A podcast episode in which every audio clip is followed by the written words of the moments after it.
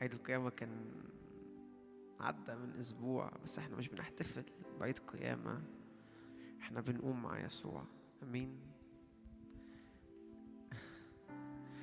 تيجوا نقرأ كده جوايا آيات آه، وإحنا بنبدأ الوقت. جوايا المشهد بتاع تلميذي عمواس لما يسوع بعد القيامة ظهر لهم وأشعر إنه ده إعلان مهم لينا في الأيام دي. تعالوا نقراه كده لو 24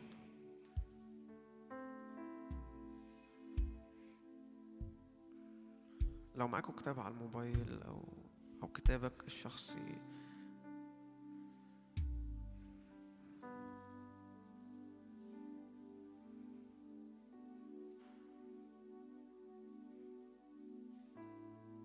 هنقرا 12 أو 13 عدد ف عايزين ناخد وقت كده فيفضل تقرأ من حاجة معاك.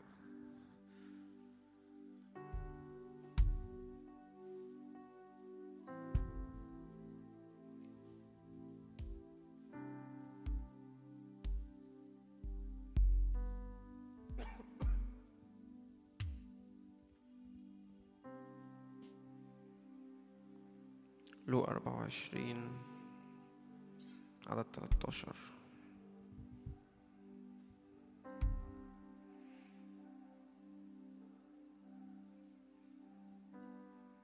كلنا طلعنا.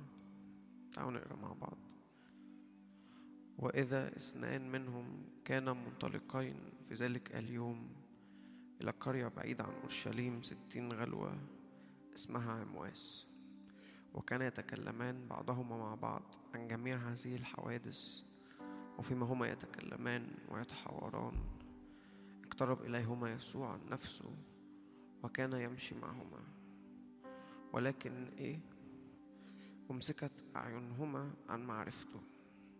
فقال لهما ما هذا الكلام الذي تتطرحان به وأنتم ماشيين عابسين؟ فأجاب أحدهما الذي اسمه كليوباس. وقال له هل أنت متغرب وحدك في أورشليم ولم تعلم الأمور التي حدثت فيها في هذه الأيام؟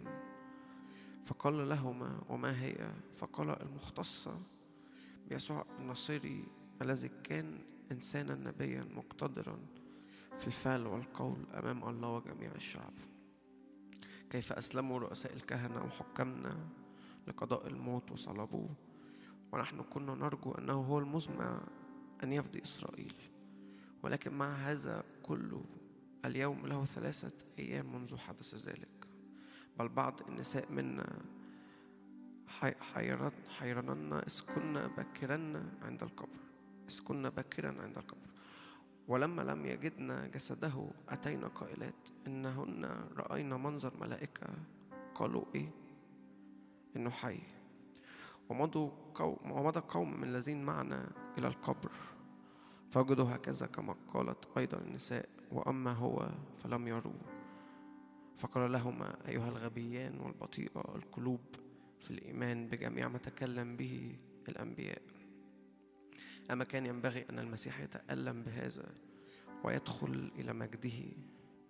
ثم ابتدأ من موسى ومن جميع الأنبياء يفسر لهم الأمور المختصة به في جميع الكتب. ثم اقتربوا إلى القرية التي كان منطلقين إليها وهو تظاهر كأنه منطلق إلى مكان أبعد. فألزما قائلين أمكث معنا لأنه نحو المساء وقد مال النهار. فدخل ليمكث معهم فلما اتكأ معهم أخذ خبز وبارك وكسر وناولهما فإيه فانفتحت أعينهما وعرفاه ثم اختفى عنهم. فقال بعضهما لبعض ألم يكن قلبنا ملتهبا فينا؟ إذ كان يكلمنا في الطريق ويوضح لنا الكتب. أمين. جوايا المشهد ده إنه كأنه تلميذي عمواس هم بيحكوا عن عن يسوع ليسوع. بيحكوا عن يسوع اللي مات ليسوع القائم اللي ماشي معاهم. هقولها تاني وهتنور باسم يسوع.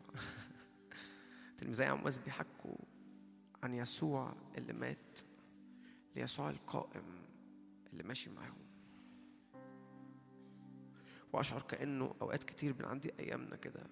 يسوع القائم ماشي معاك ماشي معاكي. يسوع قام وماشي جنبك زي تلميذي عمواس وبحكي معاه عن يسوع اللي مات. يعني إيه يسوع اللي مات؟ يعني أي حاجة فيها موت أي حاجة فيها ضلمة أي حاجة فيها أصل مفيش حل أصل مفيش رجاء أصل مفيش نور. ومرة واحدة هو عمال يحكي معاهم طول الطريق عمال يحكي يحكي هم وسايبهم يحكوا. بس مرة واحدة لما كسر الخبز لما داقوا انفتحت عيونهم فعرفوا وإيماني إنه إنه وقت زي ده يسوع بيتجلى إنه يسوع المقام بيظهر زي تلميذي عمواس كده. يأتي كده لينا يأتي ليكي ويعلن كده أنا هو أنا يسوع المقام. و... ولما تفتح عينينا لما يدوقنا يعني إيه روح القيامة ندوق فنعرفه إنه هو ده يسوع اللي قام من الموت. واللغة بتاعتنا تتغير من إن إحنا نقول ما سمعتش عن يسوع اللي مات. وهو بنفسه القائم ماشي جنبهم.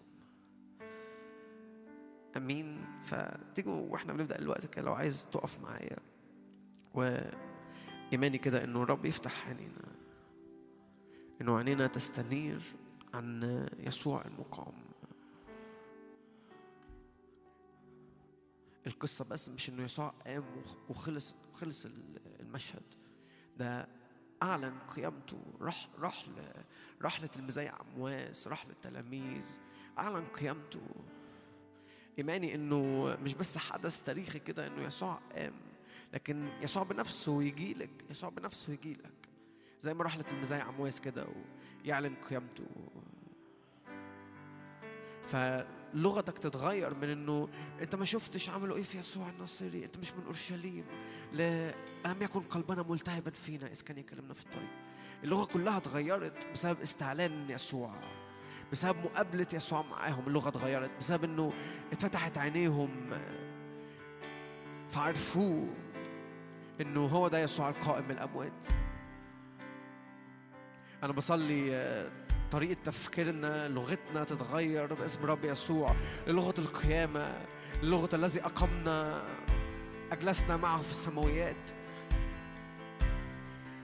استعلان روح القيامة فينا باسم رب يسوع. وبولس قال كده لأعرفه وقوة قيامته فشركة ألامه فمتشبها بموته. لما بعرف قوة القيامة ببقى متشبه بموته. فنخرج من من اجتماعات زي دي بنموت عن نفسنا بنموت عن عن العالم بنموت عن كل حاجة وبندي ليسوع كل حاجة لأنه استعلن بالقيامة. لما القيامة روح القيامة بيأتي بتزداد جدا الإماتة فينا. لأعرفه وقوة قيامته شركة ألامه فمتشبها بموته. كل ما بتزداد روح القيامة علينا كل ما بتزداد الإماتة فينا باسم رب يسوع.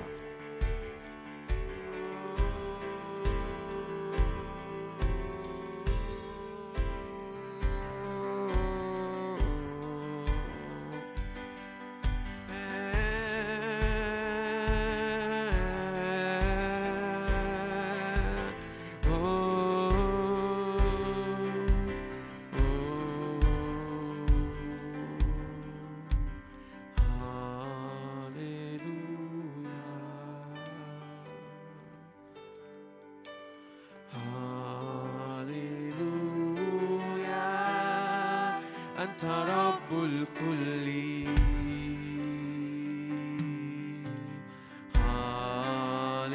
هاليلويا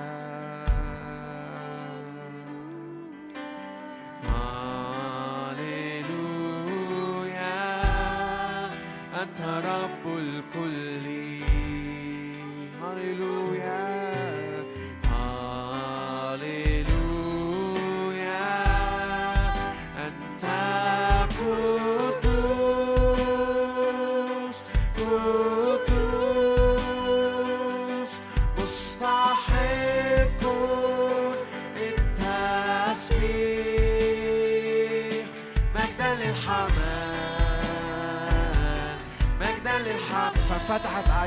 في عرفات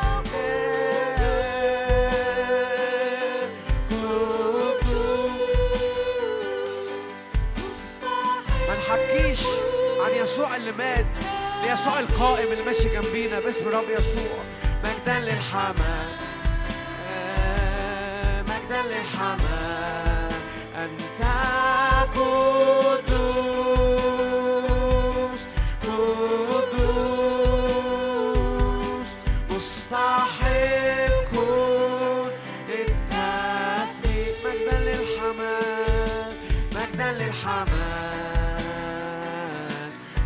الحمام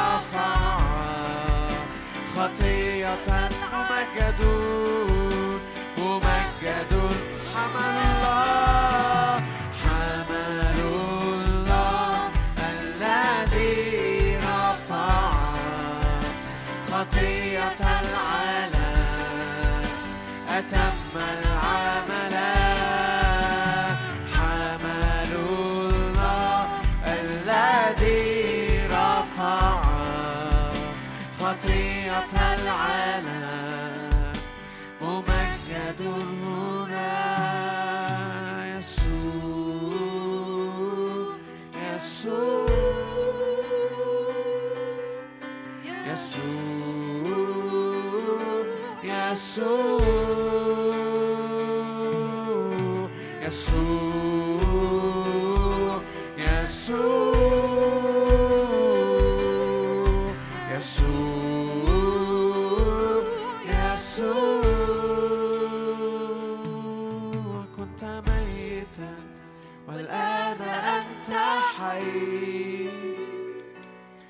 أسد غالب أسد ظافر كنت ميتا والآن أنت حي. أسد غالب أسد ظافر كنت ميتا كنت ميتا والآن أنت حي. أسد غالب أسد ظافر. غلبت الموتى غلبت الموتى بالقيام. غلبت القبر فارغا. غلبت الموتى بالقيام. تركت القبر فارغا. غلبت الموتى بالقيامة تركت القبر فارغا. غلبت الموتى بالقيامة تركت القبر فارغا ممسكين فيه وقام يسوع من الأموات. لنا حرية لنا حياة. إذ مات الذي كنا ممسكين فيه وقام يسوع من الأموات. لنا حرية لنا حياة. أين شوكتك؟ أين شوكتك يا موت؟ أين غلبتك يا هاوية؟ قد غلب قد غلب مالكي. شوكتك يا موت. أين غلبتك يا هاوية؟ قد غلب قد غلب مالكي. غلبت الموتى غلبت الموتى بالقيامة تركت القبر فارغا. غلبت الموتى بالقيامة تركت القبر فارغا. غلبت الموتى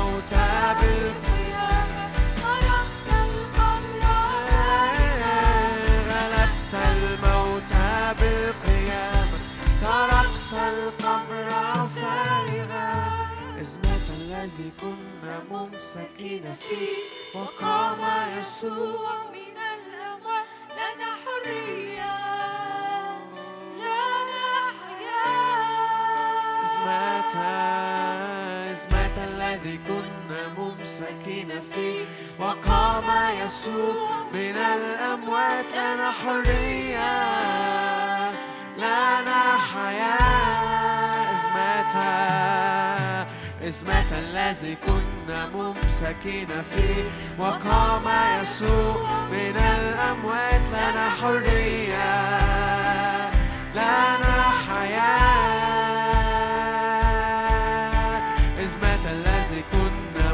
ممسكين فيه. وقام يسوع من الأموات لنا حرية.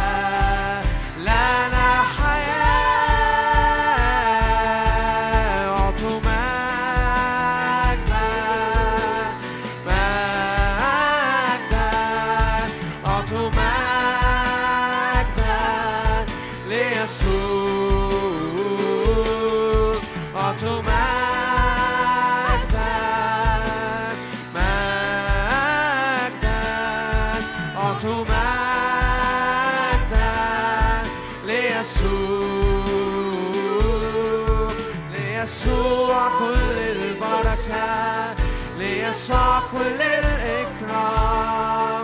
ليسوع كل القدرة. ليسوع كل السلطان. ليسوع كل البركة. ليسوع كل الإكرام. ليسوع كل القدرة. ليسوع كل السلطان. للجالس على العرش وللحمام.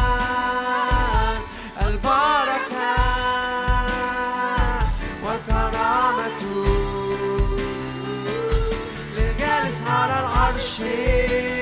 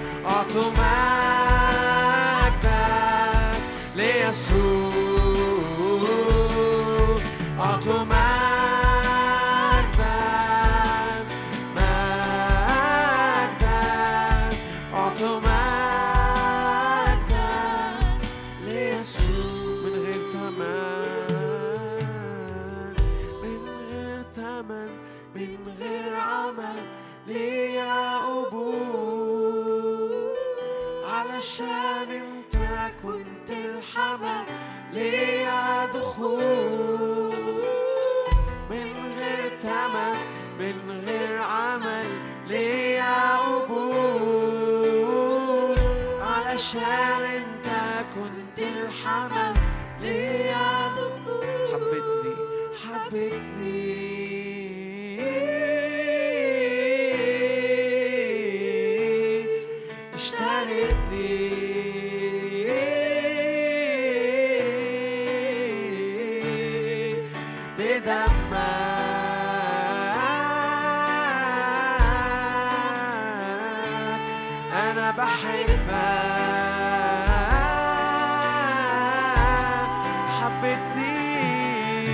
up with me.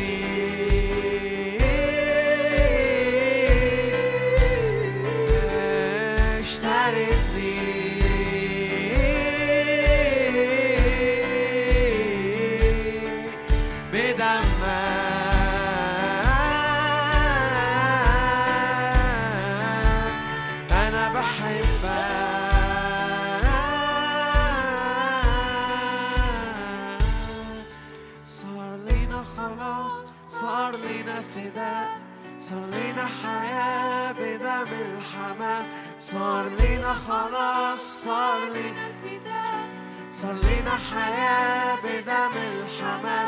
صار لنا خلاص صار لنا فداء. صار لنا حياة بدم الحمام. صار لنا خلاص صار لنا فداء. صار لنا حياة أطمئن أطمئن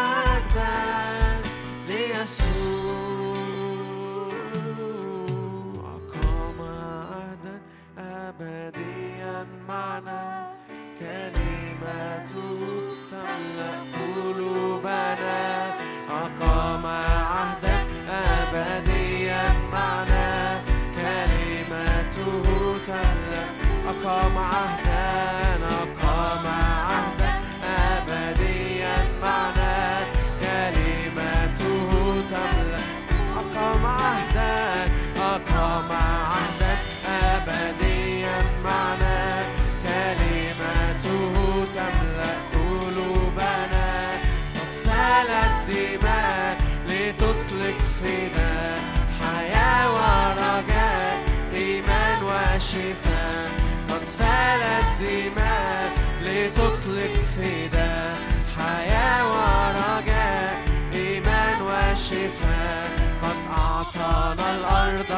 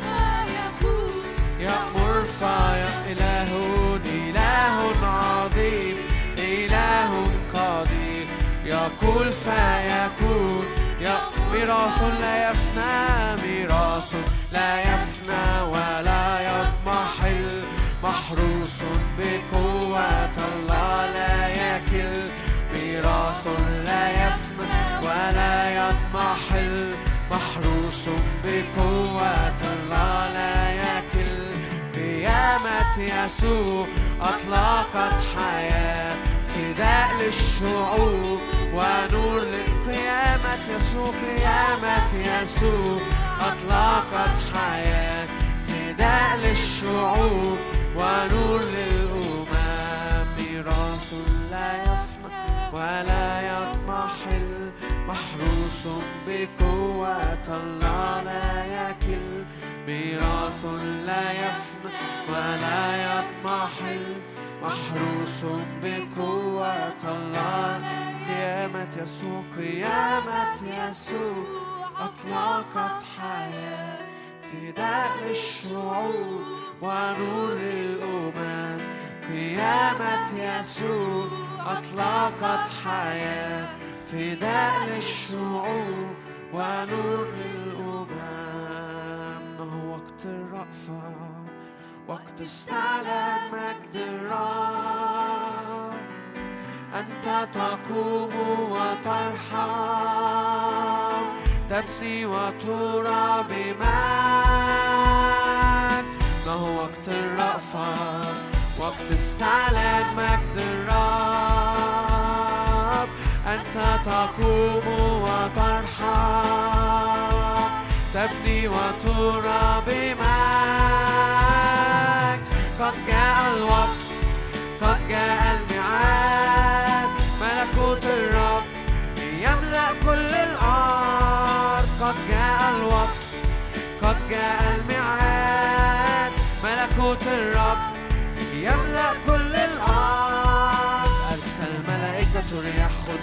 لهيب نار أرسلنا سهاما مشتعلة. نعلن ملكه في كل الأرض أرسل ملائكة خدام لهيب نار أرسلنا سهاما مشتعلة.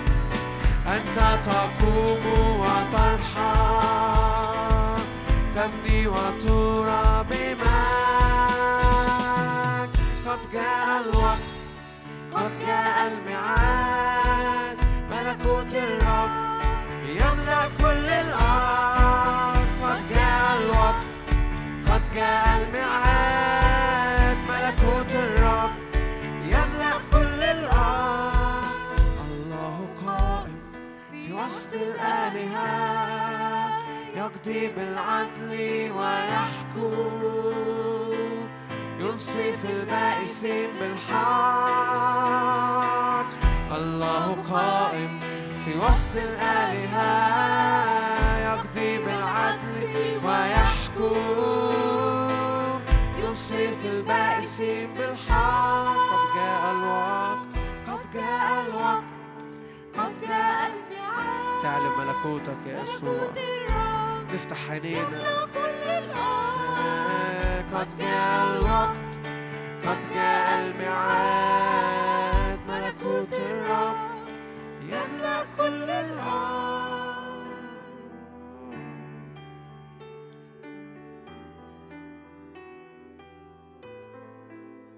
قد جاء الوقت لإستعلان ملكوتك يسوع.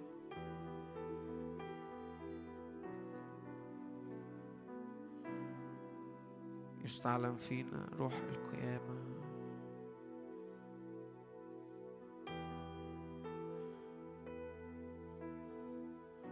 فنموت عن كل حاجة يسوع.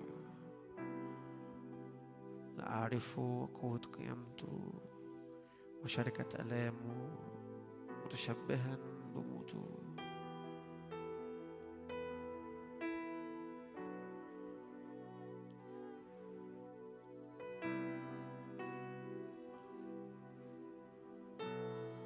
املانا بروح القيامة يا يسوع.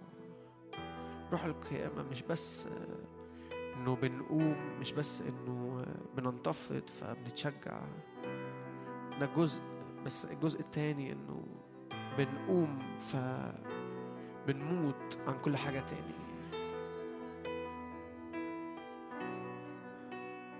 مش مجرد أجواء جميلة إن إحنا يسوع قام فبنفرح. لكن بنقوم معاه ونحن قمنا معاه فإحنا ب- بنصلب الجسد مع مع الأهواء والشهوات. فإحنا بنموت لأنه إحنا قمنا معاه.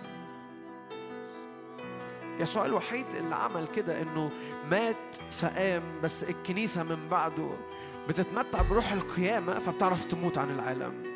كأنه الرب هو الوحيد يسوع هو الوحيد اللي عملها إنه مات الأول فقام بس تعرف مش هتعرف تموت من نفسها لكن بسبب روح القيامة بسبب روح الغلبة اللي يسوع غلب بيها نفس الروح الذي أقام يسوع من الأموات سكن فينا.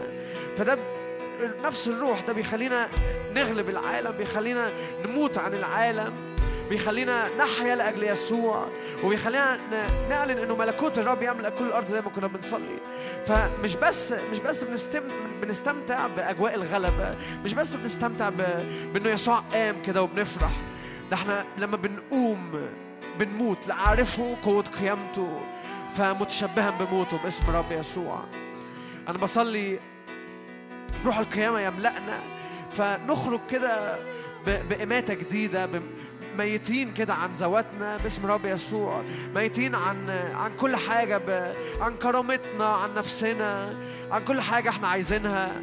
نحيا لأجل يسوع. نحيا لأجل يسوع. إحنا هنا لأجل يسوع. ويبقى الأغنية بتاعتنا طول الوقت إنه ملكوتك يملأ كل الأرض. ويبقى كل اللي مالي قلبنا وكل اللي شاغل قلبنا إنه ملكوتك يملأ كل الأرض. وده اللي نبقى عايشين عشانه طول الوقت إنه ملكوتك يملأ كل الأرض.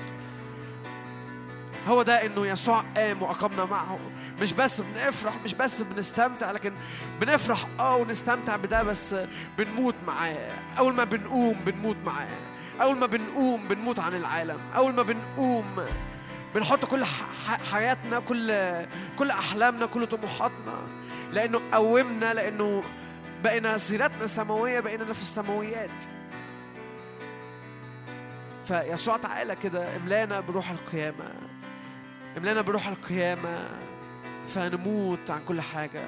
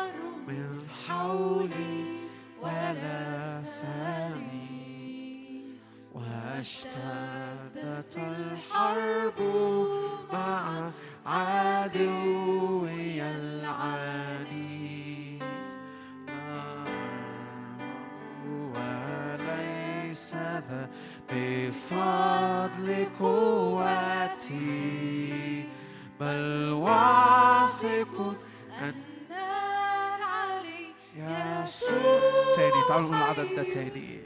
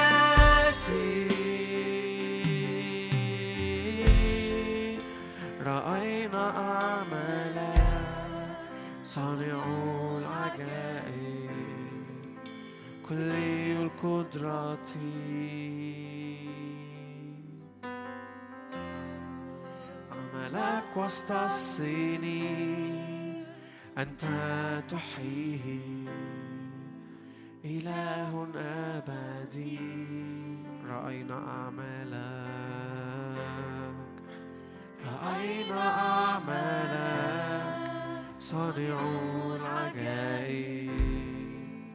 كل قدراتي عملك وسط السنين. عملك وسط السنين. أنت تحييه. إله أبدي. فلا توجد أسوار لا تخترقها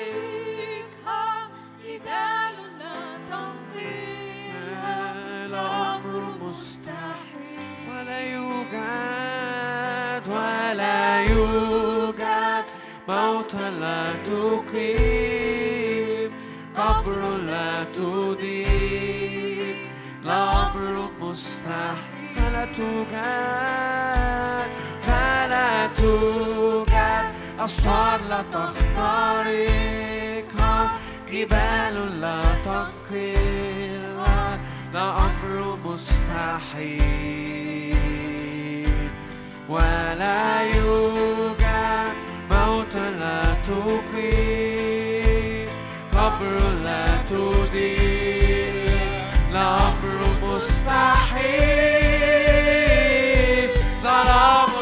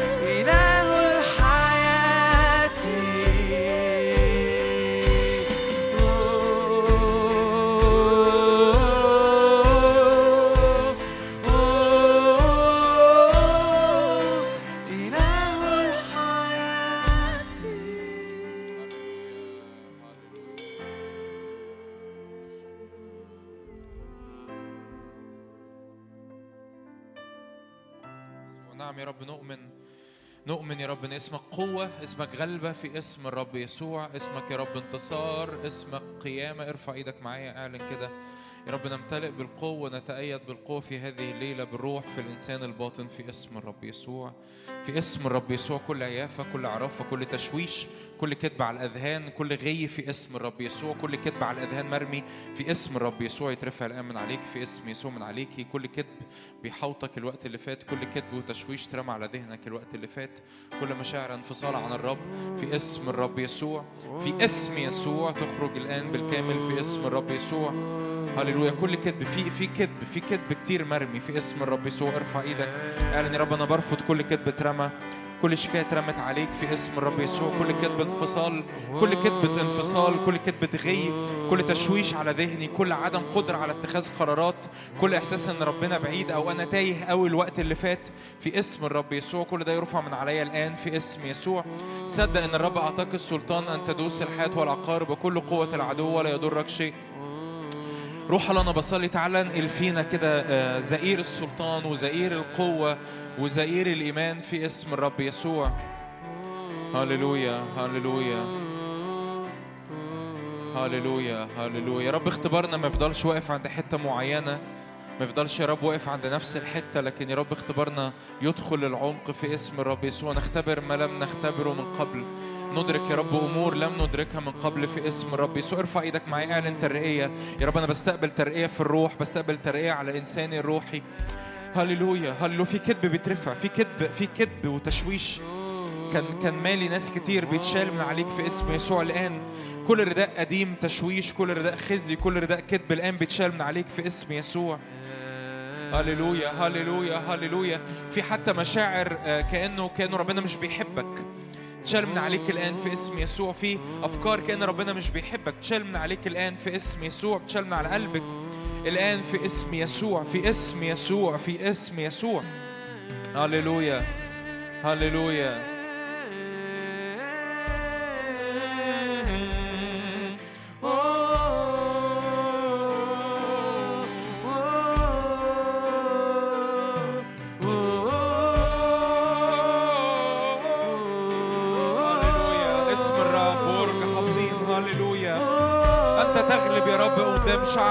تنتصر قدام شعبك في اسم يسوع. اسمك برج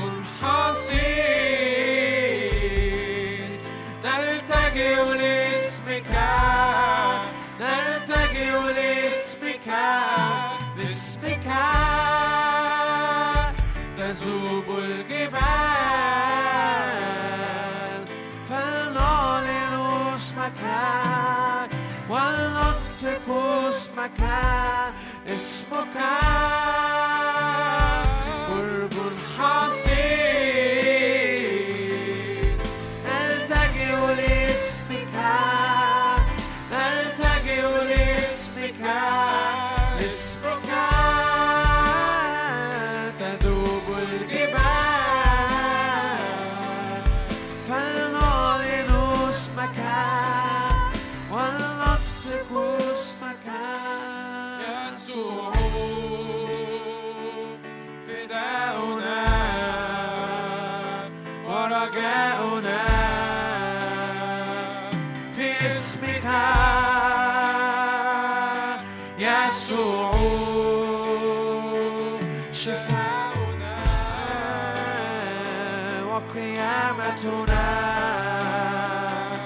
في شخصك يسوع فداؤنا ورجاؤنا في اسمك يسوع. سلامنا، سلامنا. سلامنا. وقيامتنا. شخصك حي حي أنت. حي أنت إله الشافي حي أنت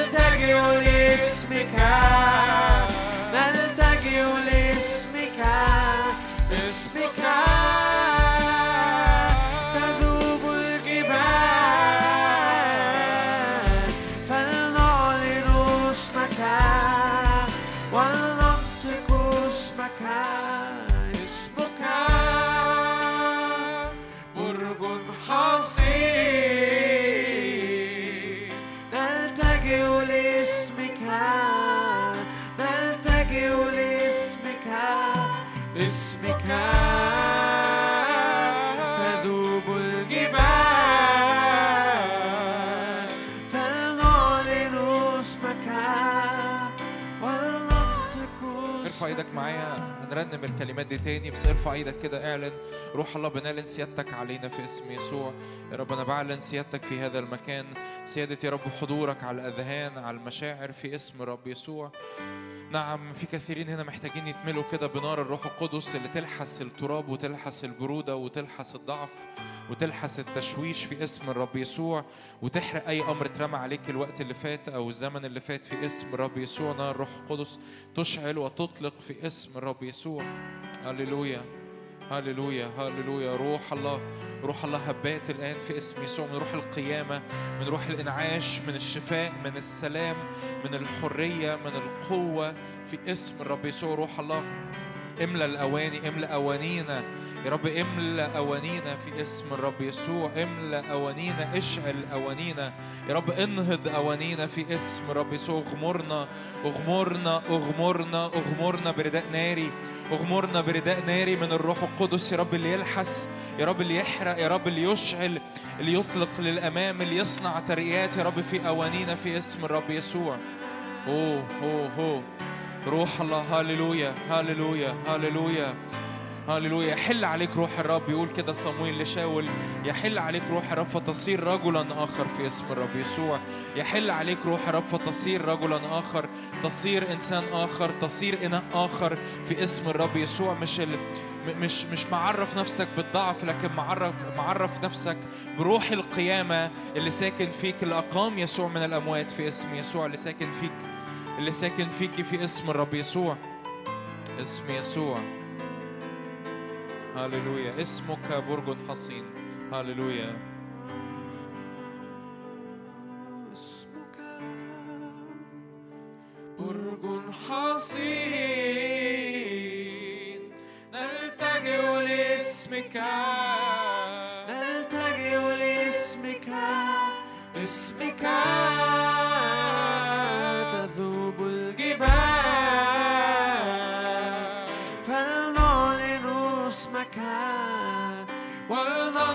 اسمك اسمك برج حصين نلتجئ لاسمك؟ نلتجئ لاسمك؟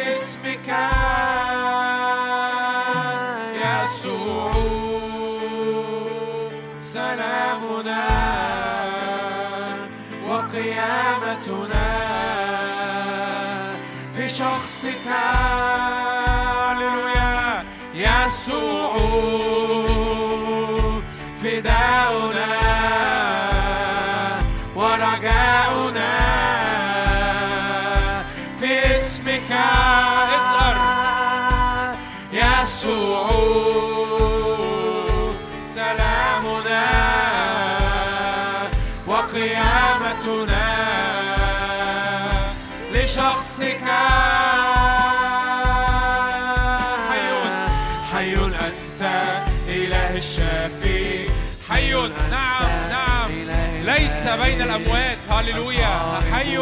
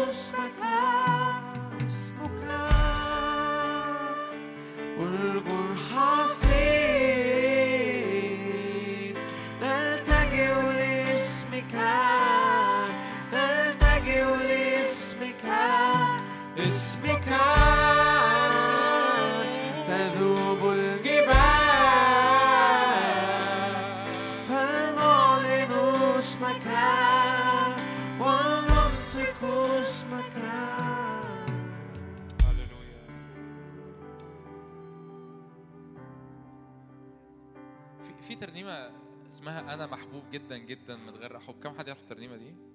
أوكي هنرنم الترنيمة دي. تقول لي ليه؟ أقول لك لأن من أول ما دخلت القاعة النهارده وأنا حاسس إنه كأنه في كذبه مرمية على كثيرين إنه ربنا سايبك ومش بيحبك.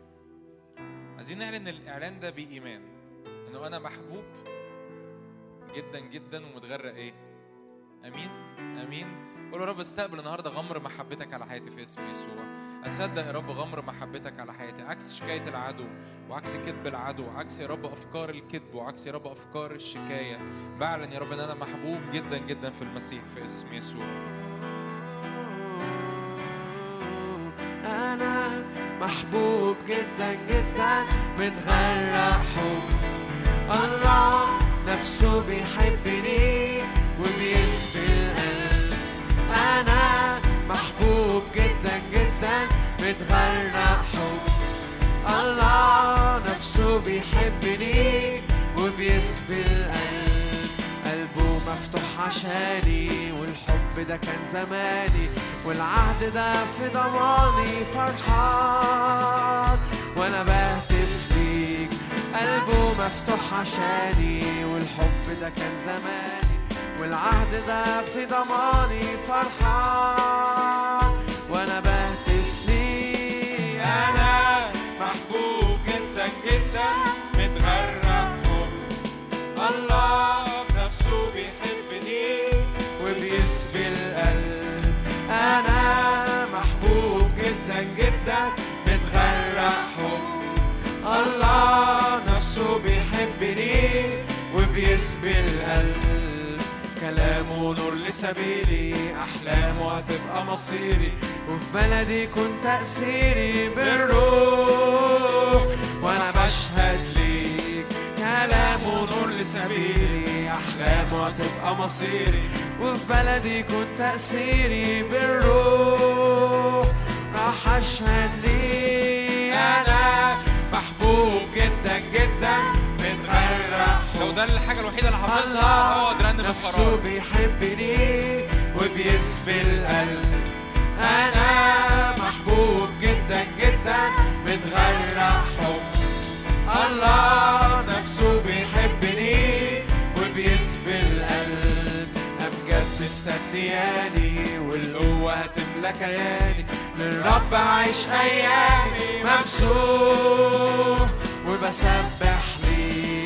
امجاد مستنياني والقوة تملى كياني للرب عايش أيامي ممسوح وبسبح ليه أنا محبوب جدا جدا متغرق حب الله نفسه بيحبني وبيسبي القلب. أنا محبوب جدا جدا متغرق حب الله نفسه بيحبني وبيسبي أنا محبوب أنا محبوب. أنا محبوب جدا جدا متغرق حب. الله نفسه بيحبني وبيسبي القلب. قلبه مفتوح عشاني والحب ده كان زماني والوعد ده في ضماني. فرحان وأنا ليه قلبه مفتوح عشاني والحب ده كان زماني والوعد ده في ضماني فرحان. وأنا بهتف ليه أنا محبوب جدا جدا متغرق حب الله نفسه بيحبني وبيسبي القلب أنا محبوب جدا.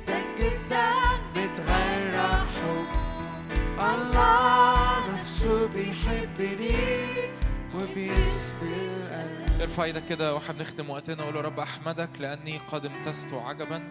عجيبة هذه المعرفة فوقي لا أستطيعها من خلف وقدام حصرتني وجعلت علي يدك. يا رب شكرا لأن إحنا امتزنا عجبا بسبب محبتك بسبب غمر محبتك على حياتنا في اسم الرب يسوع. هللويا. روح الله ملانا ملانا النهارده في هذا المساء في هذه الليلة يا رب. ملانا ملانا املأ أوانينا بحضورك محبتك. بإدراك حضورك في اسم الرب يسوع.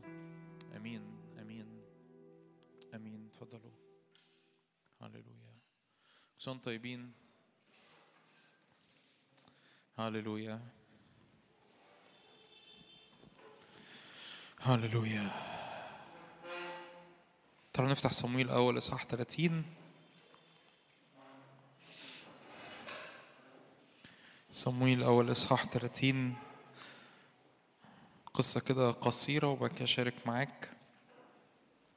هللويا. عدد. عدد 11 يحكي عن العبد اللي لقيوه بعد ما داود كان رايح يلحق بعماليق. داود ورجالته صادفوا رجلا مصريا. في الحقل فأخذوه إلى داود وأعطوه خبزا فأكله وسقوه ماء وأعطوه قرصا من التين عنقودين من الزبيب فأكل ورجعت روحه إليه لأنه لم يأكل خبزا ولا شرب ماء في ثلاثة أيام وثلاث ليالي. صمويل الأول إصحاح 30 عدد 11 صمويل الأول إصحاح 30 عدد 11 صادفوا رجلا مصريا. 11 أيوة. صادفوا رجلا مصريا في الحقل. أخذوه إلى داود أعطوه خبزا فأكل. وسقوه ماء. أعطوه قرصا من التين عنقودين من الزبيب فأكل. ورجعت روحه إليه لأنه لم يأكل خبزا ولا شرب. ماء في ثلاثة أيام وثلاثة ليال. قال له داود لمن أنت ومن أين أنت؟ قال لا أنا غلام مصري عبد رجل عماليقي. قد تركني سيدي لأني مرضت منذ ثلاثة أيام. ببساطة الجملة بس عايز أبتدي بيها أو التعبير اللي عايز أبتدي بيه. هذا الغلام كان مرمي كان مريض كان عيان وسيده رماه لمدة ثلاث أي- أيام لأنه كان مريض. ولما داود لقاه وداود كتير بيكلمنا عن الرب اللي بيلاقينا لما داود لقى هذا العبد المصري الرجل العماليقي آه، أكله وشربه فرجعت روحه إليه واسترد قوته. أنا إيمان النهاردة الرب عايزنا نسترد قوتنا في اسم يسوع. مش دعوة الرب أبدا لحياتك إنك تحيا بلا قوة تحيا في حالة ضعف أو تحيا في حالة من آه، ضعف. إحساس كده بال- بالوهن إحساس بالضعف إحساس أنت مش قادر تكمل إحساس إنه أنا تعبان أنا ضعيف أنا مش منتصر أنا مش غالب. وفي مفاتيح في الكتاب المقدس أو في شوية حاجات هنحكي فيها حاجات بسيطة قوي أغلبنا يعرفها. لكن أنا جوايا كده صورة كده تجميع على الأربع حاجات نحكي فيهم. أمور تملانا طول الوقت بالقوة. أنا مدعو في المسيح يسوع أن أحيا في ملء القوة. موافق بقى مش موافق مصدق مش مصدق دي قصتك انت. أنا أنا على ما على الرسول إلا البلاغ. دعوتنا في الحياة المسيحية أن نحيا في ملء القوة. تقول لي بس أنا بتحارب مفيش مشكلة اتحارب بس تحيا في ملء القوة. تقول لي بس أنا ضعيف أقول لك أنت باصص على الإناء الخزفي ولا باصص على الكنز اللي جوه الإناء الخزفي؟ الدعوة في الحياة المسيحية يقول كده رسول بولس أنا أصلي لكي تتأيدوا بالقوة بالروح في الإنسان الباطن يحل المسيح بالإيمان في قلوبكم. الدعوة الحياة المسيحية هي حياة في ملء القوة حياة في ملء الغلبة حياة في ملء الانتصار حتى في وسط الضيق حتى في وسط الظروف الصعبة حتى في وسط المشاعر الهايجة حتى في وسط البحر الهايج. الدعوة بتاعت حياتك إنك تحيا في ملء القوة. آمين. فلو أنت النهارده حاسس إن أنت عامل زي الغلام المصري اللي مطروح بسبب انه مرض بسبب انه تعب بسبب انه اعيا فسيده العماليقي العماليق رمز الإبليس أول ما بتتعب أول ما ما بيرميك. ما هو مش فارق معاه صحتك مش فارق معاه استرداد قوتك مش فارق معاه استرداد فرحك مش مش فارق معاه استرداد سلامك.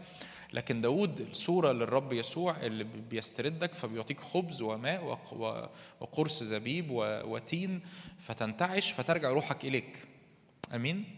النهارده كده تقول له يا رب النهارده أجدد قوة في اسم يسوع. منتظر الرب يجددون إيه؟ قوة آه، في اسم يسوع. أول حاجة الحقيقة عايزك أحكي عنها النهاردة إنه الر- الرب يملاك بيها بالقوة. أربع أربع نقط بساطة خالص مفهومش أي حاجة جديدة. مفيش أي حاجة النهاردة غالبا هقولها جديدة. بس ببساطة إدراك ال ال الرب عايز يعمله إنه إنه يجدد قوتنا وإنك تستقبل قوة من الأعالي. أول حاجة الرب يستخدمها إنه يملأنا بالقوة إنك تمتلئ بالروح القدس. مش عارف كم مرة سمعت وعظات عن ملء الروح القدس وخصوصا مني وكم مرة زهقت مني وأنا بتكلم عن ملء الروح القدس وكم مرة بعد ما سمعت مني عن ملء الروح القدس امتليت بالروح القدس وكم مرة بعد ما امتليت بالروح القدس فقدت القوة اللي أنت استقبلتها ودي مصيبة سودة. الكتاب يقول كده لأنكم تنالون قوة ما تحل الروح القدس عليكم. وده مش دي مش أوهام دي مش خيالات. الروح القدس هو الرب نفسه. الرب نفسه اللي بيأتي في انائك بيملأك وبينعشك وبيفتح عينيك وبيملأك بالاستنارة وبيملأك بالقوة ويصيرك رجلا آخر اللي بيحل على شاول اللي كان بيرعى قطن وبيرعى قطن وهو محتاس خالص مش عارف يعمل إيه لكن شاول ده يبقى ملك لأن الروح القدس حل عليه. ومحتاجين ننهض كده ونغير انه روح الله أنا محتاج أتعامل مع ملء الروح القدس بجدية وبإدراك بجدية وبإدراك إن الرب الروح القدس اللي بيملأ إنائي ده ده, ده الرب ده الإله الحاضر اللي بيملأ إنائي. ولو أنا ابن ملك ما ينفعش أعيش زي عبد الرجل العماليقي اللي كان مرمي لأنه مش لاقي ياكل ومش لاقي يشرب ولأنه مريض لكن ملء الروح القدس ده ده, ده الرب الساكن فيا. الرب الساكن فيا. أنتوا عارفين يعني إيه الرب الساكن فيا؟ الرب الساكن فيا يعني أنا لو في جسدي مريض الرب الساكن فيا أقوى من جسدي المريض. لو أنا في ج... لو أنا مقيد بقيد الرب الساكن فيا أقوى من أي قيد يحرق القيود. لو أنا متحارب بتفشيل رب الروح القدس اللي فيا. ده اللي بولس يقوله لتيموثاوس يقوله كده اضرم الموهبة التي فيك المعطاه لك بوضع يدي مع النبوة. في تيموثاوس الثانية إصحاح واحد يقولوا كده اضرم الموهبة التي فيك. يعني إيه؟ ولع شعل للنار اللي أنت استقبلتها من الروح القدس المعطاه لك بوضع يدي مع كلمات النبوة. ليه؟ لأن الله لم يعطينا الآية اللي بعدها على طول. لأن الله لم يعطينا روح الفشل أو روح اليأس أو روح الخوف. بروح القوة والمحبة والإيه؟ والنصح. فيعمل مقارنة ما بين حاجة اسمها روح اليأس أو روح الفشل مع حاجة تانية في في الجدول في العمود الثاني حاجة اسمها روح القوة والمحبة والنصح. ومن هو روح القوة والمحبة والنصح؟ هو روح الإيه؟ القدس. عشان كده الرسول بولس يقول في إفسس خمسة ولا تسكروا بالخمر الذي فيه الخلاعة بل إيه؟ امتلئوا من الروح القدس بتطلب ملء الروح القدس كم مرة؟ كم مرة في الأسبوع بتطلب ملء الروح القدس؟ لا قول لي كم كم كم مرة في السنة؟ أقول لك لا كم مرة في الأسبوع تطلب الروح ملء الروح القدس؟ انت كل يوم الصبح المفروض تصحى أول روح الله تعالى ملاني روح الله تعالى غمرني روح الله ملاني بالقوة روح الله ملاني بالسلطان روح الله ملاني بالقداسة روح الله ملاني بالمخافة لأني بدونك لا أستطيع أن أفعل شيء. محتاج تقدر هذا الروح الناري الأنبا أنطونيوس يقول كده آه، آه، لتلاميذه أيها الأبناء آه، الروح الناري الذي أنا قبلته اقبلوه أنتم أيضا. محتاج تقبل الروح القدس وتمتلئ بالروح القدس وتشتعل بالروح القدس لأنه التلاميذ بدون الروح القدس كانوا مستخبين في العليه ما بيخدموش مش عارفين يعكسوا يسوع المسيح للعالم. لكن أول ما ال 120 امتلأوا بالروح القدس آه، بقى عندنا 120 يسوع جديد على الأرض. أول ما ال 120 امتلأوا بروح القدس بقى عندنا عندنا 120 يسوع جديد موجودين على الأرض. ولو ده مش مش ده الاختبار المعتاد في حياتك انت محتاج تغيير محتاج تتغاظ. إن سفر أعمال الرسل ده يتحول لحقيقة واقعية لحقيقة عملية في حياتي. وده ما بيحصلش في الوعظات. يعني ما بيحصلش إن أنت تسمع وعظة والموضوع خلص. ده ده ده الشغل ده ده ال- الاجتهاد بتاعك إنك بتاخد الحق وبتاخد الإعلان وتقعد بيه قدام الرب وتقول له روح الله أنا عايز سفر أعمال الرسل والكلمات اللي في الكتاب المقدس والوعظات اللي أنا بسمعها تتحول لحقيقة عملية معاشة. أنا عايز يا رب لما ارواح الش- لما ارواح الشر تشوفني تصرخ. أنا عايز لما لما أتقابل مع المرض المرض يهرب. أنا عايز لما لما يبقى في حد مقيد القيد اللي حياته يتكسر أنا عايز يا رب لما تطلقني وترسلني زي ما اتكلمنا من فترة كده من أواخر السنة اللي فاتت وشوية أول السنة لما يا رب تطلقني وتستخدمني وأتحرك أكون مليان بهبات وبآيات وبعجائب وبثمر روح القدس. أنا عايز يخرج مني حاجات مش معتادة. يعني إيه حاجات مش معتادة؟ يعني محبة. في وسط عالم ما بيحبش. يعني فرح في وسط عالم مليان حزن. يعني سلام في وسط عالم مليان انزعاج. يعني تعفف وانضباط وضبط النفس في وسط عالم مليان خطية. طب ده يخرج مني إزاي؟ ملء روح القدس. امتلئ النهارده بروح القدس.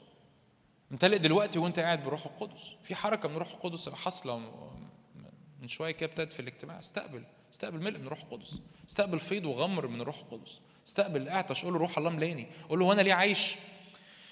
زي ما ما ابن أخو آه، أمنون قال له لماذا أنت ضعيف أيها الملك؟ أيها يا ابن الملك من يوم إلى يوم لماذا أنت ضعيف؟ أنا عايز أسألك السؤال ده لماذا أنت ضعيف؟ لماذا أنت ضعيفه ولماذا أنت شايف نفسك ضعيف؟ ليه عينك بص قوي على الإناء الخزفي وبطلت تبص على الكنز. روح القدس فيك. روح القدس فيك روح القدس ده رب. بستغرب إن أوقات بعد ما أتكلم الكلام ده وبعد ما أستقبل مش مش حضراتكم بس في حتة تانية فحد يجي يقول لي هو بجد ينفع ربنا يسدد احتياجاتي؟ ما إحنا بنتكلم في إيه يا جماعة؟ بننده في مالطة يعني يعني هل أنا بعمل استعراض مثلا؟ بعمل لك فقرة stand up comedy مثلا. هو بجد ينفع ربنا ي... أنا حاسس إن أنا مش متشجع. ما إيه يا ابني؟ إيه اللي دخل الإحساس بالموضوع؟ مفيش حد دخل الإحساس في الموضوع. روح القدس فيك الرب فيك. إدراكك للإعلان إدراكك للإعلان هو اللي بيطلق التشجيع في داخلك. هو بجد ينفع ربنا يلمسني بنتكلم في إيه؟ طب أنا مقيد أنت مقيد ليه؟ يعني مين اللي مين اللي خلاك مقيد؟ يعني ليه سايب نفسك مقيد؟ طب أنا تعبان ليه مكملة تعبانة؟ قومي انتفضي من من حالة الخزي ومن حالة الفشل ومن حالة اليأس. عشان كده بن لو هدخل في النقطة الثانية يعني والبسه وأدخلهم في بعض كده. عشان كده بحب الكلمة عشان كده بنحب الحق. ما أنا مستحيل حياتي تتنقل لمستويات أعمق في العلاقة مع الرب وفي إدراك النضوج وفي إدراك اللي ليا في المسيح إلا لو عرفت الحق. كنت لسه بحكي من يوم الأحد اللي فات في اجتماع الشباب عندنا. أنت عشان تعرف شكلك الجسدي عندنا حاجة اسمها مراية. صح ولا إيه؟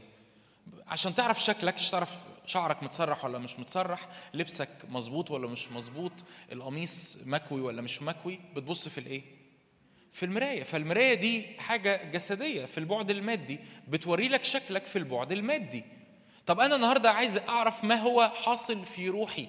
عايز أعرف الإمكانيات اللي الرب أودعها عليا في روحي. طب أنا عايز محتاج برضو مراية أبص فيها. ما عندناش آه، المراية المادية ما ينفعش تعكس لي الأمور الروحية. أنا محتاج مراية روحية تعكس لي الأمور اللي حاصلة فين؟ في روحي. فاهمين أقصد إيه؟ فالأمور المادية بشوفها من خلال المراية الإيه؟ المادية. شكلي المادي محتاج أشوفه في مراية إيه؟ مادية. طب شكلي الروحي محتاج أشوفه في إيه؟ في مراية إيه؟ روحية. إيه هي المراية الروحية؟ كلمة الله. أنت بتصدق اللي المراية المادية بتقوله لك حتى لو أنت مش مقتنع بيه. يعني لو أنت عندك ممكن تكون مثلا رحت بعد الاجتماع ده أو قبل الاجتماع قاعد بتتغدى أو بتتعشى أو ايا كان وأنت بتاكل في بقعة وقعت على قميصك. أنت مش واخد بالك إن في بقعة على قميصك. أنت ما عندكش قناعة في ذهنك إن في بقعة على إيه؟ على قميصك. بس لو أنت بصيت في المراية والمراية قالت لك إن في بقعة على قميصك أنت هتعمل إيه؟ هتصدق وهتقتنع إن في بقعة على قميصي. حتى لو أنت لو أنا كنت قبلها بلحظات تقول لي إيه؟ مش حاسس إن في بقعة على قميصي. مش مهم حاسس ولا مش حاسس. إيه اللي دخل إحساسك في الموضوع؟ ما ركز معايا. هتقول لي أنا مش حاسس إن في أنا ما حسيتش. بص بص ده أنا ما حسيتش وأنا باكل إن أنا بوقع على نفسي. هقول لك إيه؟ مش مهم تحس. المهم إن المراية بتقول لك إن في إيه؟ بقع على قميصك. إيه إيه اللي دخل الإحساس في الموضوع؟ المراية بتعكس لك حقيقتك. انت عارف كده كويس فهتروح مغير القميص وتلبس قميص تاني هتغيري البلوزة وتلبسي بلوزة تانية لأن المراية قالت لك إن البلوزة إيه؟ مبقعه بس كده. انت بتصدقي المراية بتقوله؟ عمياني إنجاز التعبير. نيجي بقى نتعامل مع كلمة الله. لا مش مقتنع. إيه اللي دخل قناعتك الشخصية في الموضوع؟ قناعتك الشخصية ملهاش أي دور في تقييم روحك. أنت عشان ترى روحك محتاج مراية والمراية دي هي إيه؟ الكلمة. والرسول يعقوب بيقول لنا كده لما تنظر وجه خلقتك في مرآة وجه خلقتك الروحية في مرآة انت محتاج تصدق اللي الكلمة بتقوله لك. لأنه لو انت بصيت وجه خلقتك الروحية في مرآة وللوقت نسيت من أنت فأنت أنت مش فاهم أنت بتعمل إيه. يعني إيه؟ يعني أنا لما أجي ابص لكلمه الله وكلمه الله تقول لي ان أنا بر، تقول لي ان أنا نور، تقول لي ان أنا مقدس، تقول لي ان أنا خليقه جديده، تقول لي ان أنا محبوب، تقول لي ان أنا مقبول، تقول لي ان أنا مبرر بالنعمه، تقول لي ان أنا اعظم من منتصرين، تقول لي انه يعظم انتصاري في في هذه الجماعه يعظم انتصارنا بالذي احبنا، كلمه الله تقول لي من يفصلني عن محبه الله؟ تقول لي أنا مش حاسس، هروح رسائل عليك نفس السؤال، هروح سالك نفس السؤال، وايش دخل احساسك في الموضوع؟ انت فاهم بقول إيه؟ ليه؟ لأن الموضوع مش بالإحساس. تروحي المحل تشتري بلوزة واحدة مثلا معاكي صاحبتك تقول لك بصي البلوزة دي حلوة عليكي. تقولي لها لا مش حاسة. تقول لك بس إيه؟ جربيها. حد قبل كده اشترى بلوزة؟ خدتي صاحبتك معاكي؟ تقول لك إيه؟ اعملي إيه؟ جربيها. فتجربيها وتقفي قدام المراية. والمراية تقول لك إن هي إيه؟ جميلة. هتعملي إيه؟ هتشتريها. طب ما انت ما كنتش حاسة. مش مهم إحساسك. المراية قالت لك إن البلوزة إيه؟ جميلة. بس كده. بس كده. أنت محتاج تتعامل مع كلمة الله وتديها نفس السلطان على روحك زي ما بتتعامل مع المراية وبتديها السلطان على جسدك. ما بتقفش قدام المراية وتحاول تكذبها. ولا إيه؟ بتحاولش تكذب المراية. المرايه بتقول إن شعري مظبوط لا بس أنا مقتنع إنه منعكش المرايه بتقول لي إن أنا شعر شعري متلخبط بس أنا مقتنع إن هو جميل. هو مش جميل. أنت بتصدق اللي أنت بتشوفه في المرايه محتاج أدي نفس السلطان ده لكلمة الله على حياتي بس أنا محتاج أقراها الأول عشان أديها السلطان. محتاج إن كلمة المسيح تسكن فيا بغنى وبعمق وتعلن لي اللي, اللي مكتوب فيها. وأقف قدام الكلمة كتير والكلمة تخلق فيا الصورة اللي الرب بيقولها لي وأشرب من الكلمة كتير وأقعد قدام الكلمة كتير. ولو ما بتعملش كده ما ترجعش تسأل نفسك هو أنا ليه ضعيف. لأنه ال- ال- ال- ال- ال- الغلام المصري عبد السيد العماليقي كان بلا خبز لمدة ثلاثة أيام. فهل أنت تحيا بلا خبز؟ تقعد قدام الخبز كتير وتاكل منه كتير وتاكل من من من الكلمة كتير وتاكل من الحق الكتابي كتير وتخلي الحق الكتابي يملاك بالقوة ويملاك بالتشجيع ويملاك بالإيمان ويملاك برؤية من أنت في المسيح. هو ده اللي يجدد قوتك. أمين؟ أمين؟ مش عايز أسألك يعني بت- بت- بتقعد قدام الكلمة قد إيه؟ كل يوم ولا لأ؟ ومش بس كل يوم ولا لأ؟ طب كل يوم بتقعد قدام الكلمة قد إيه؟ بتقرأ كام إصحاح في اليوم؟ بتقرأ كام كام دقيقة في اليوم؟ بتقرأ كام ساعة في اليوم؟ على قد على قد مقدار احتياجك للقوة على قد رد فعلك المفروض تقعد قد إيه قدام الكلمة كل يوم. ليه؟ لأنه لأنه عبرانيين 4 12 كلمة الله حية وإيه؟ وفعالة وامضى من كل سيف ذي حدين وخارقة إلى مفرق النفس والروح والمفاصل والمخاخ ومميزة أفكار القلب وإيه؟ كلمة الله أول حاجة هي إيه؟ حية. كلمة الله كائن حي. أنا لما بتعامل مع الكلمة أنا مش بتعامل مع كلمات مكتوبة آه، حروف مطبوعة على ورق. أنا بتعامل مع كائن حي. بالإيمان نفهم أن العالمين أتقنت بإيه؟ بكلمة الله. الله كلمته بتخلق. هل أنت مقتنع أن الله كلمته بتخلق؟ هتقول لي آه سبحانه وعظيم كلمته بتخلق. طب ما لو هو كلمته بتخلق ما بتقعدش ليه قدام كلمته اللي تخلق فيك اللي أنت عايزه؟ هي دي كلمة الله ولا لأ؟ مقتنعين؟ مقتنعين؟ دي كلمة الله؟ كلمة الله مكتوب عنها مكتوب فيها كل ما تحتاجه للحياة والتقوى. هل أنت عايز كل ما تحتاجه الحياة والتقوى؟ اقعد قدام الكلمة واعلنه على حياتك هتخلق فيك كل ما تحتاجه للحياة والتقوى. قد إيه؟ على قد ما أنت محتاج. بس تعامل مع كلمة الله بإدراك إن كلمة الله كائن حي.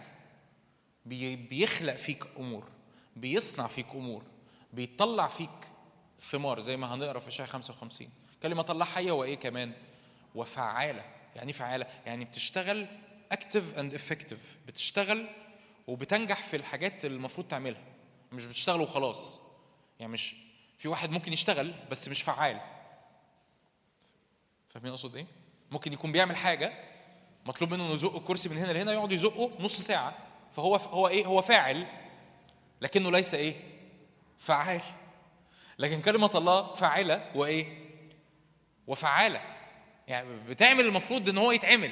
يعني لو أنا محتاج تغيير كلمة الله بتعمله. لو محتاج شفاء كلمة الله بتأتي بالشفاء. لو محتاج سلام كلمة الله بتأتي بالسلام. لو محتاج بر كلمة الله تأتي بالبر. لو محتاج قوة للحياة اليومية كلمة الله بتأتي بالحياة اليومية. بس أنا محتاج أقعد قدام الكلمة كتير. واقعد قدامها بالإدراك ده مش أقعد قدام كلمة الله اوعى تحول القعدة قدام كلمة الله وكأنك قاعد بتحوش معلومات أو بتعرف معلومات أو بتعرف بتعرف إيه فلان عمل إيه وده اتجوز مين. حلو المعلومات كويسة هتجمع لك وهتحط لك الترتيب المظبوط. بس وأنت قاعد قدام كلمة الله أنت قاعد بتشرب من الحق الالهي أنت قاعد بتتعامل مع كائن حي الكائن الحي ده فيك بيخلق أمور وبيغير أمور وبيملاك بالقوة وبيجدد ذهنك وبي وبيفتح قلبك وبيأتي بالرب عايز يعمله في حياتك. افتح إشعيا 55 أنا كل جوايا هو المعنى ده إن الرب عايز يملاك بالقوة ومش. وما ينفعش تكمل ضعيف. بس ما ينفعش تكمل في حياتك روحيه ضعيف. أمين؟ أمين؟ أتأيد النهارده أقول كده أتأيد في اسم يسوع بالقوة بالروح في الإنسان الباطن في اسم يسوع. أتأيد بالقوة بالروح في الإنسان الباطن في اسم يسوع.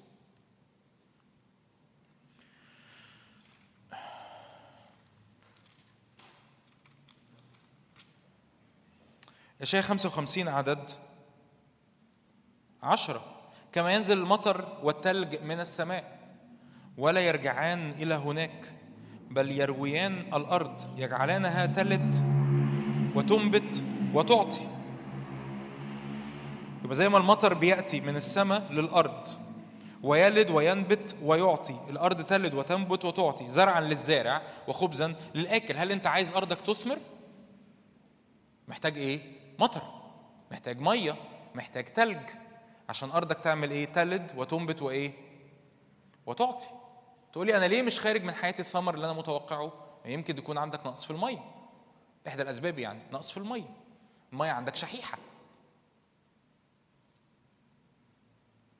فعشان الأرض دي تأتي بثمر محتاج المية تبقى عندي كتير. عشان المية بتجعل الأرض تلد وتنبت وتعطي. زرعا للزرع وخبزا للآكل. هكذا تكون كلمتي. التي تخرج من إيه؟ من فمي. لا ترجع إيه؟ إلي فارغه بل كلمة الله إيه؟ تعمل ما إيه؟ ما سررت به. وإيه؟ وإيه؟ وتنجح. كلمة الله تعمل إيه؟ تنجح في اسم يسوع. كلمة الله تعمل إيه في حياتي؟ تنجح. بس تقعد تشرب مية كتير.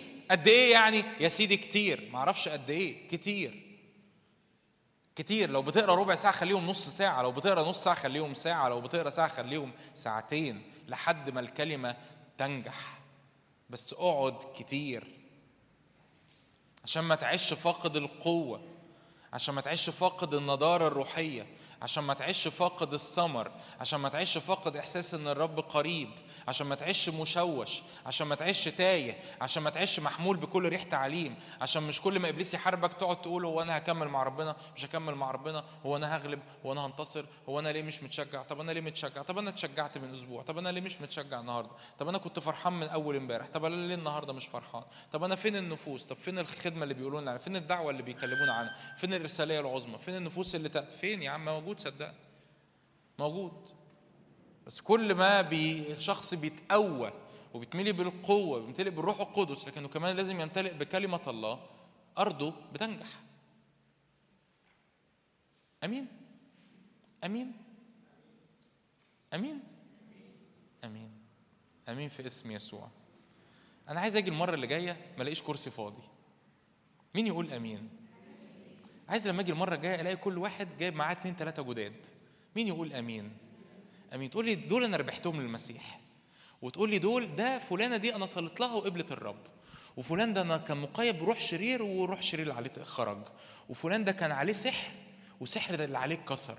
ما ما ما ما جيش وتقول لي إيه آه أنا تعبانة أنا حزنانة أنا مش متشجع. إيه رأيك؟ إيه رأيك؟ ها؟ في عينين نورت وفي عينين إيه؟ ما مش عايزه تبص لي. ها إيه رأيك؟ أمين؟ أمين؟ أتحداك؟ ما تكملش زي ما أنت؟ تتحدى نفسك إنك تغير على حياتك تغير على أيامك على مستقبلك على دعوتك على عمل الرب في أرضك وهنا في الاجتماع ده وفي اسكندرية و... أمين؟ كم واحد تعرفه ما يعرفش الرب؟ كتير. كلنا. مش مش أنت بس كلنا. كم واحد بتشوفه مرة واثنين وثلاثة ومسيحي وما يعرفش الرب وسايباه زي ما هو. أصل أنا أصل أنا أصل هو أصل مش عارف مين أصل. تبقى تصدق إن أنت ربنا يستخدمك إنك تأتي بنفوس للرب؟ وأرواح شر تخرج صارخة بسببك أنت ومرضى يشفوا بسببك أنت آه بس امتلئ بالقوة. أمين؟ يا رب أمين. أمين؟ أمين؟ دي مش حاجة كده بنطلبها يعني يعني دي مش طلبة كده بنطلبها في الهوا. لا ده ده ده انت ده انت أنا يا رب الإناء اللي تعمل بيا كده أمين. أمين أمين في اسم يسوع. يوحنا ستة. واحد امتلئ بالروح القدس اثنين امتلئ بالكلمة ثلاثة الإفخارستية.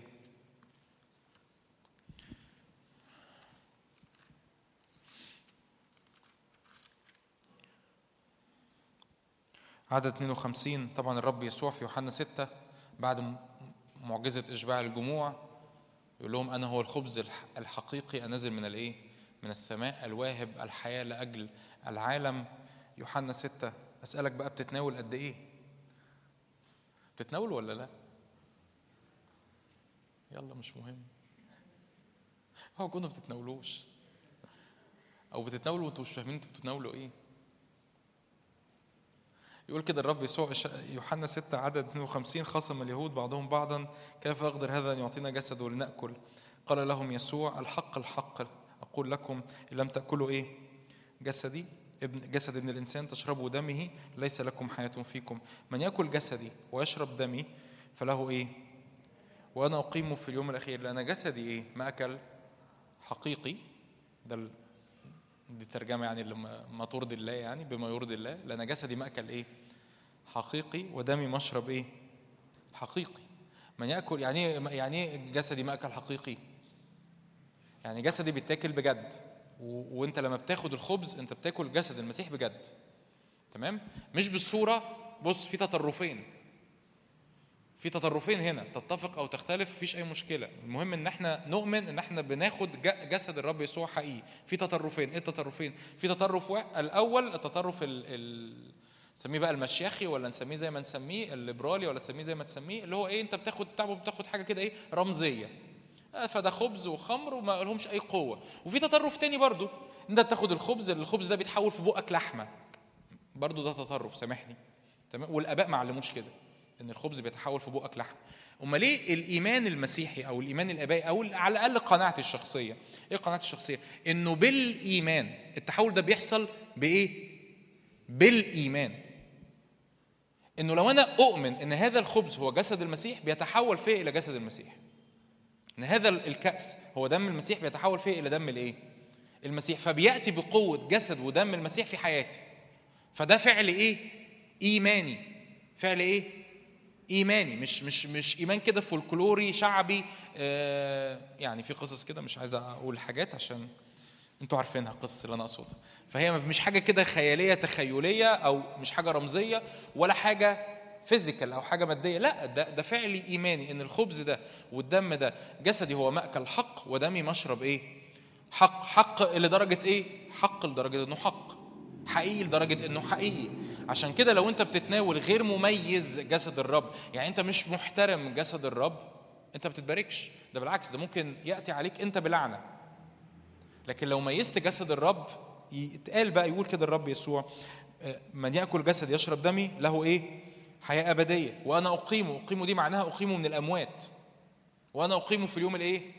الأخير. لأن حضرتك بتأخذ جسد المسيح المقام من الموت النهارده. فالجسد ده بيشتغل في جسدك عشان لما الرب يسوع يجي تاني يقيمك من الأموات. حد هنا هيقوم من الموت لما الرب يسوع يجي؟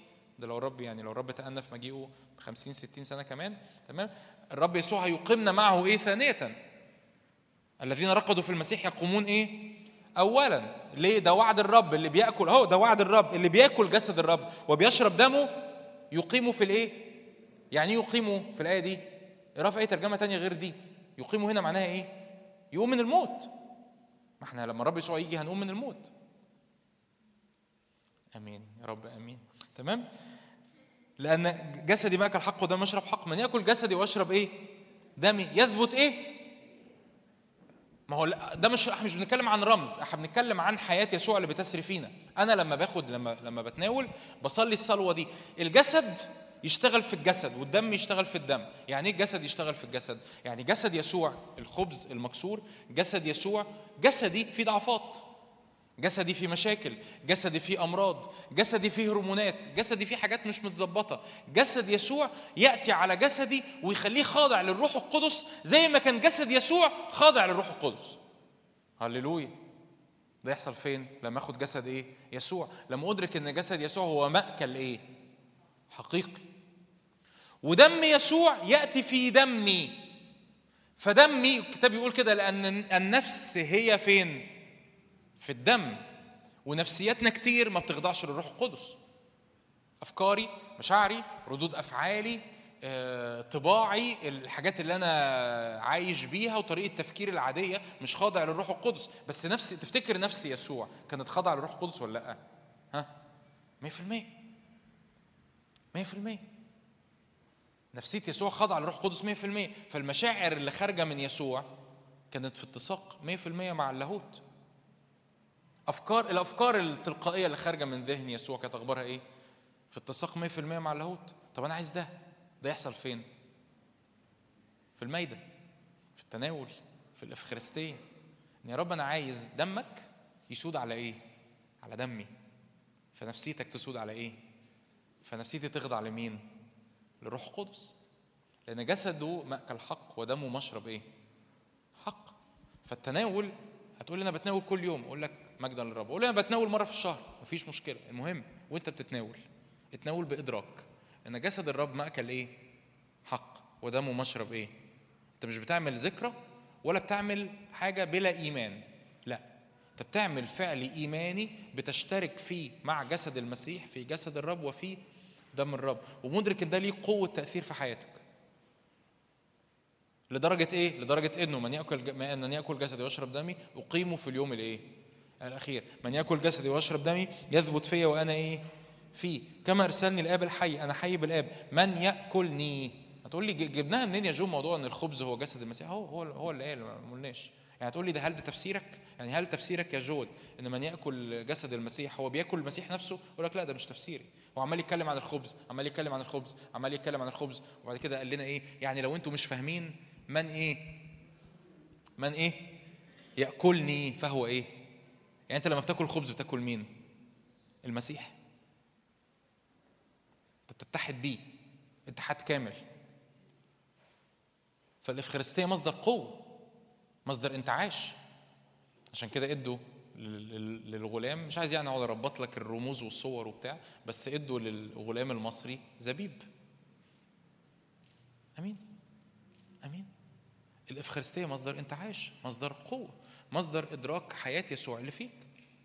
بس امتلئ امتلئ امتلئ كل يوم امتلئ كل يوم بهذا الإدراك امتلئ كل يوم بهذا الإعلان. إن وأنت بتقف قدام الرب أنت جسد المسيح بيتعامل مع جسدك ودم المسيح بيتعامل مع دمك. أمين. آمين.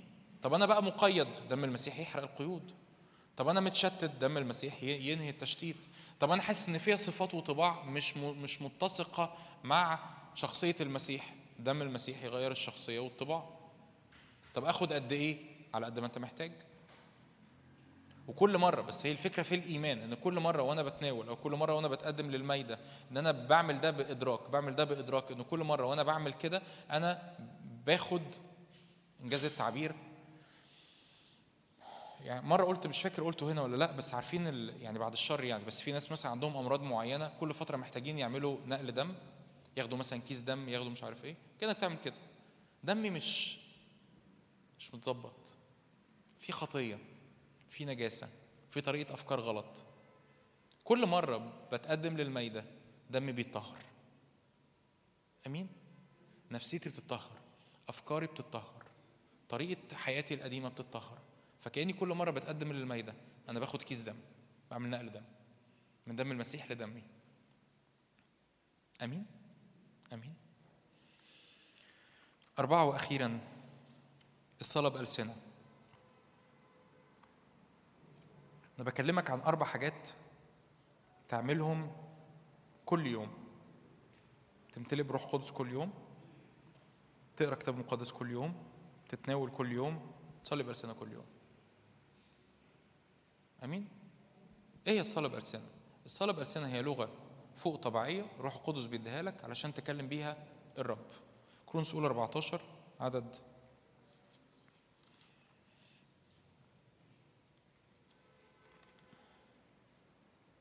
عدد واحد اتبعوا المحبة لكن جدوا للمواهب الروحية بالأولى أن تتنبأوا لأنه هنا بيكلم الكنيسة فبيقول لهم بالأولى يا كنيسة لما تيجوا تمارسوا المواهب ما بينكم وما بين بعض أن تتنبأوا من يتكلم لأن من يتكلم الناس من يتكلم بلسان لا يكلم الإيه؟ الناس بل الله لأن ليس أحد يسمع ولكنه بروحه يتكلم بأسرار. إيه الصلاة بألسنة؟ الصلاة بألسنة هي لغة فائقة للطبيعة ربنا بيديها لي علشان أصلي بيها. مين من حقه إنه يصلي بألسنة؟ كل المؤمنين، لأن الكتاب بيقول كده في مرقس 16 هذه الآيات تتبع المؤمنين يخرجون الشياطين باسمي وتاني واحدة إيه؟ يتكلمون بإيه؟ بألسنة جديدة. الصلاة بألسنة ما هياش أنا بس بقول الكلام ده يعني لو حد مش عارف أو حد ما ما سمعش تعليم قبل كده عن الألسنة يعني بس عشان نبقى على على اتفاق يعني قبل ما أشرح أكتر شوية في الألسنة. الصلاة بألسنة ما هياش للكرازة لأن في أعمال اتنين التلاميذ ما كرزوش بالألسنة. ليه؟ لأنه كان في ناس من كل أمة تحت السماء. التلاميذ في ال 120 في العلية كانوا بيصلوا. ولما صلوا حل عليهم الروح القدس. ابتدأوا كلهم يتكلمون بألسنة. لكن الناس اللي في الشارع ما هو في علية فهم في الدور الثاني مثلا. وفي ناس في الشارع. سمعوهم سمعوهم. كل واحد منهم يتكلمون بلغته. يعني كل واحد من الناس اللي في الشارع سمعوا الناس دول كلهم بيتكلموا بلغته هو. لكن لما بطرس يقول كده لكن بطرس وقف يتكلم. لما بطرس طب هسأل بقى سؤال ما هو دول من كل أمة من تحت السماء. طب بطرس لما وقف يتكلم اتكلم بأنهي لغة؟ ما اتكلمش ب... ما ما اتكلمش بلغة كل واحد منهم اتكلم بلغة واحدة كل الناس اللي في الشارع دول يفهموها. يتكلم يعني هو في الغالب لغة من ثلاثة يا إما عبري لأنه كل دول كانوا يهود يا إما أرامي اللي هي اللغة برضو اللي كانت منتشرة في الوقت ده يا إما يوناني اللي هي اللغة اللي كانوا بيستخدموها في الكتابات واللغة المنتشرة في العالم في الوقت ده ببساطة. فالألسنة بشكل واضح الرسول بولس يقول في كرونس اولى 14 عدد اثنين من يتكلم بلسان لا يكلم الإيه؟ الناس. أنت ما بتكلمش الناس كلامك مش موجه للناس أصلا بل يكلم إيه؟ الله لأنه بالروح يتكلم بأسرار. بس من يتكلم بلسان يقول كده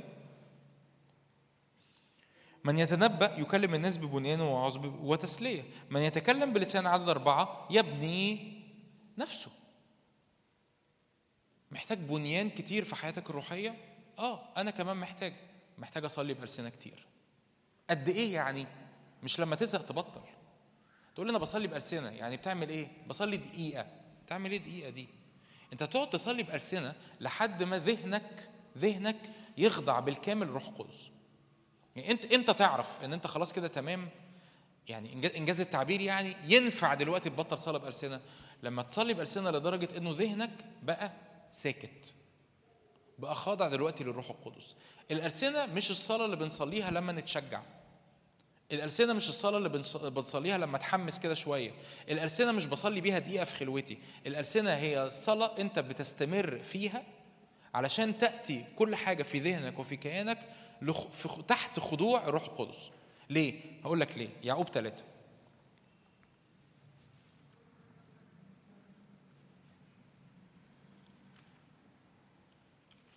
يقول كده الرسول يعقوب في يعقوب ثلاثة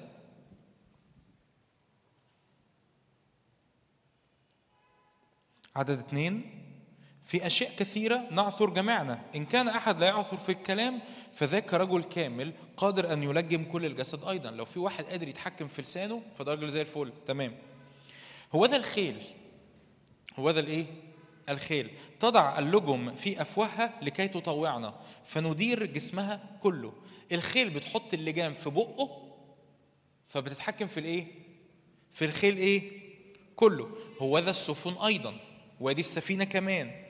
وهي عظيمة بهذا المقدار. سفينة كبيرة قوي ضخمة شايلة حاجات كتير شايلة بضاعة شايلة ناس شايلة حاجات كتير قوي تسوقها رياح عاصفة. تديرها دفة إيه؟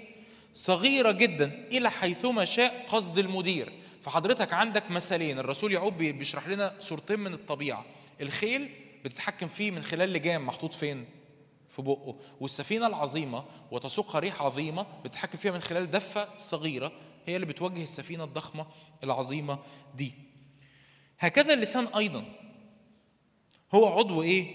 صغير هكذا اللسان إيه؟ أيضا هو عضو صغير. يفتخر بي- بيتكلم بقى عن اللسان بيستخدم إزاي؟ تستخدم اللسان و و ومش عارف إيه. بس يقول لك بقى عدد ثمانية أما اللسان فلا يستطيع أحد من الناس أن يذلله. هو شر لا يضبط مملوءا سما مميتا. به نبارك الله الآب به نلعن الناس الذين قد تكونوا على شبه الله. من الفم الواحد تخرج بركة ولعنة. لا يصلح يا إخوتي أن تكون هذه الأمور كلها. بس إيه بقى المبدأ؟ عدد اثنين المبدأ عدد اثنين إن كان أحد لا يعثر في الكلام فذاك رجل كامل قادر أن يلجم الجسد إيه؟ فما هو المبدأ؟ اللي يتحكم في لسانك يتحكم في إيه؟ كل الجسد لأن اللي يتحكم في في لجام الحصان يتحكم في كل الإيه؟ الحصان واللي يتحكم في دفة السفينة يتحكم في كل الإيه؟ السفينة. ما هي قوة الألسنة؟ إن حضرتك اللي بيتحكم في لسانك لما بتخضع لسانك للروح القدس من خلال الصلاة بألسنة الروح القدس بيملى كل الجسد أيضا. طب إمتى أبطل صلاة بألسنة؟ أول ما تدرك إنه الروح القدس بقى سيد على كل الجسد أيضا. هي دي قوة الألسنة. محتاج تمتلئ بالقوة من يصلي بلسان يبني نفسه. أصلي بألسنة قد إيه؟ كل يوم. كل ساعة. وانت راكب المواصلة وانت راكب العربية وانت واقفة في المطبخ بت... بتعملي الطبيخ وانت رايح الجامعة وانت رايح نازل الشغل صلي بألسنة مش لازم تصلي بألسنة بصوت عالي بس صلي بألسنة رد الألسنة في فمك في بصوت كده خفيف ردد الألسنة صلي بألسنة قد إيه؟ كتير ليه؟ لأن اللي بيتحكم في اللسان بيتحكم في كل الجسد إيه؟ أيضا أمين أمين وعايز أختم تاني بقى بملء الروح القدس ليه؟ لأن يقول كده افتح معايا أفسس خمسة.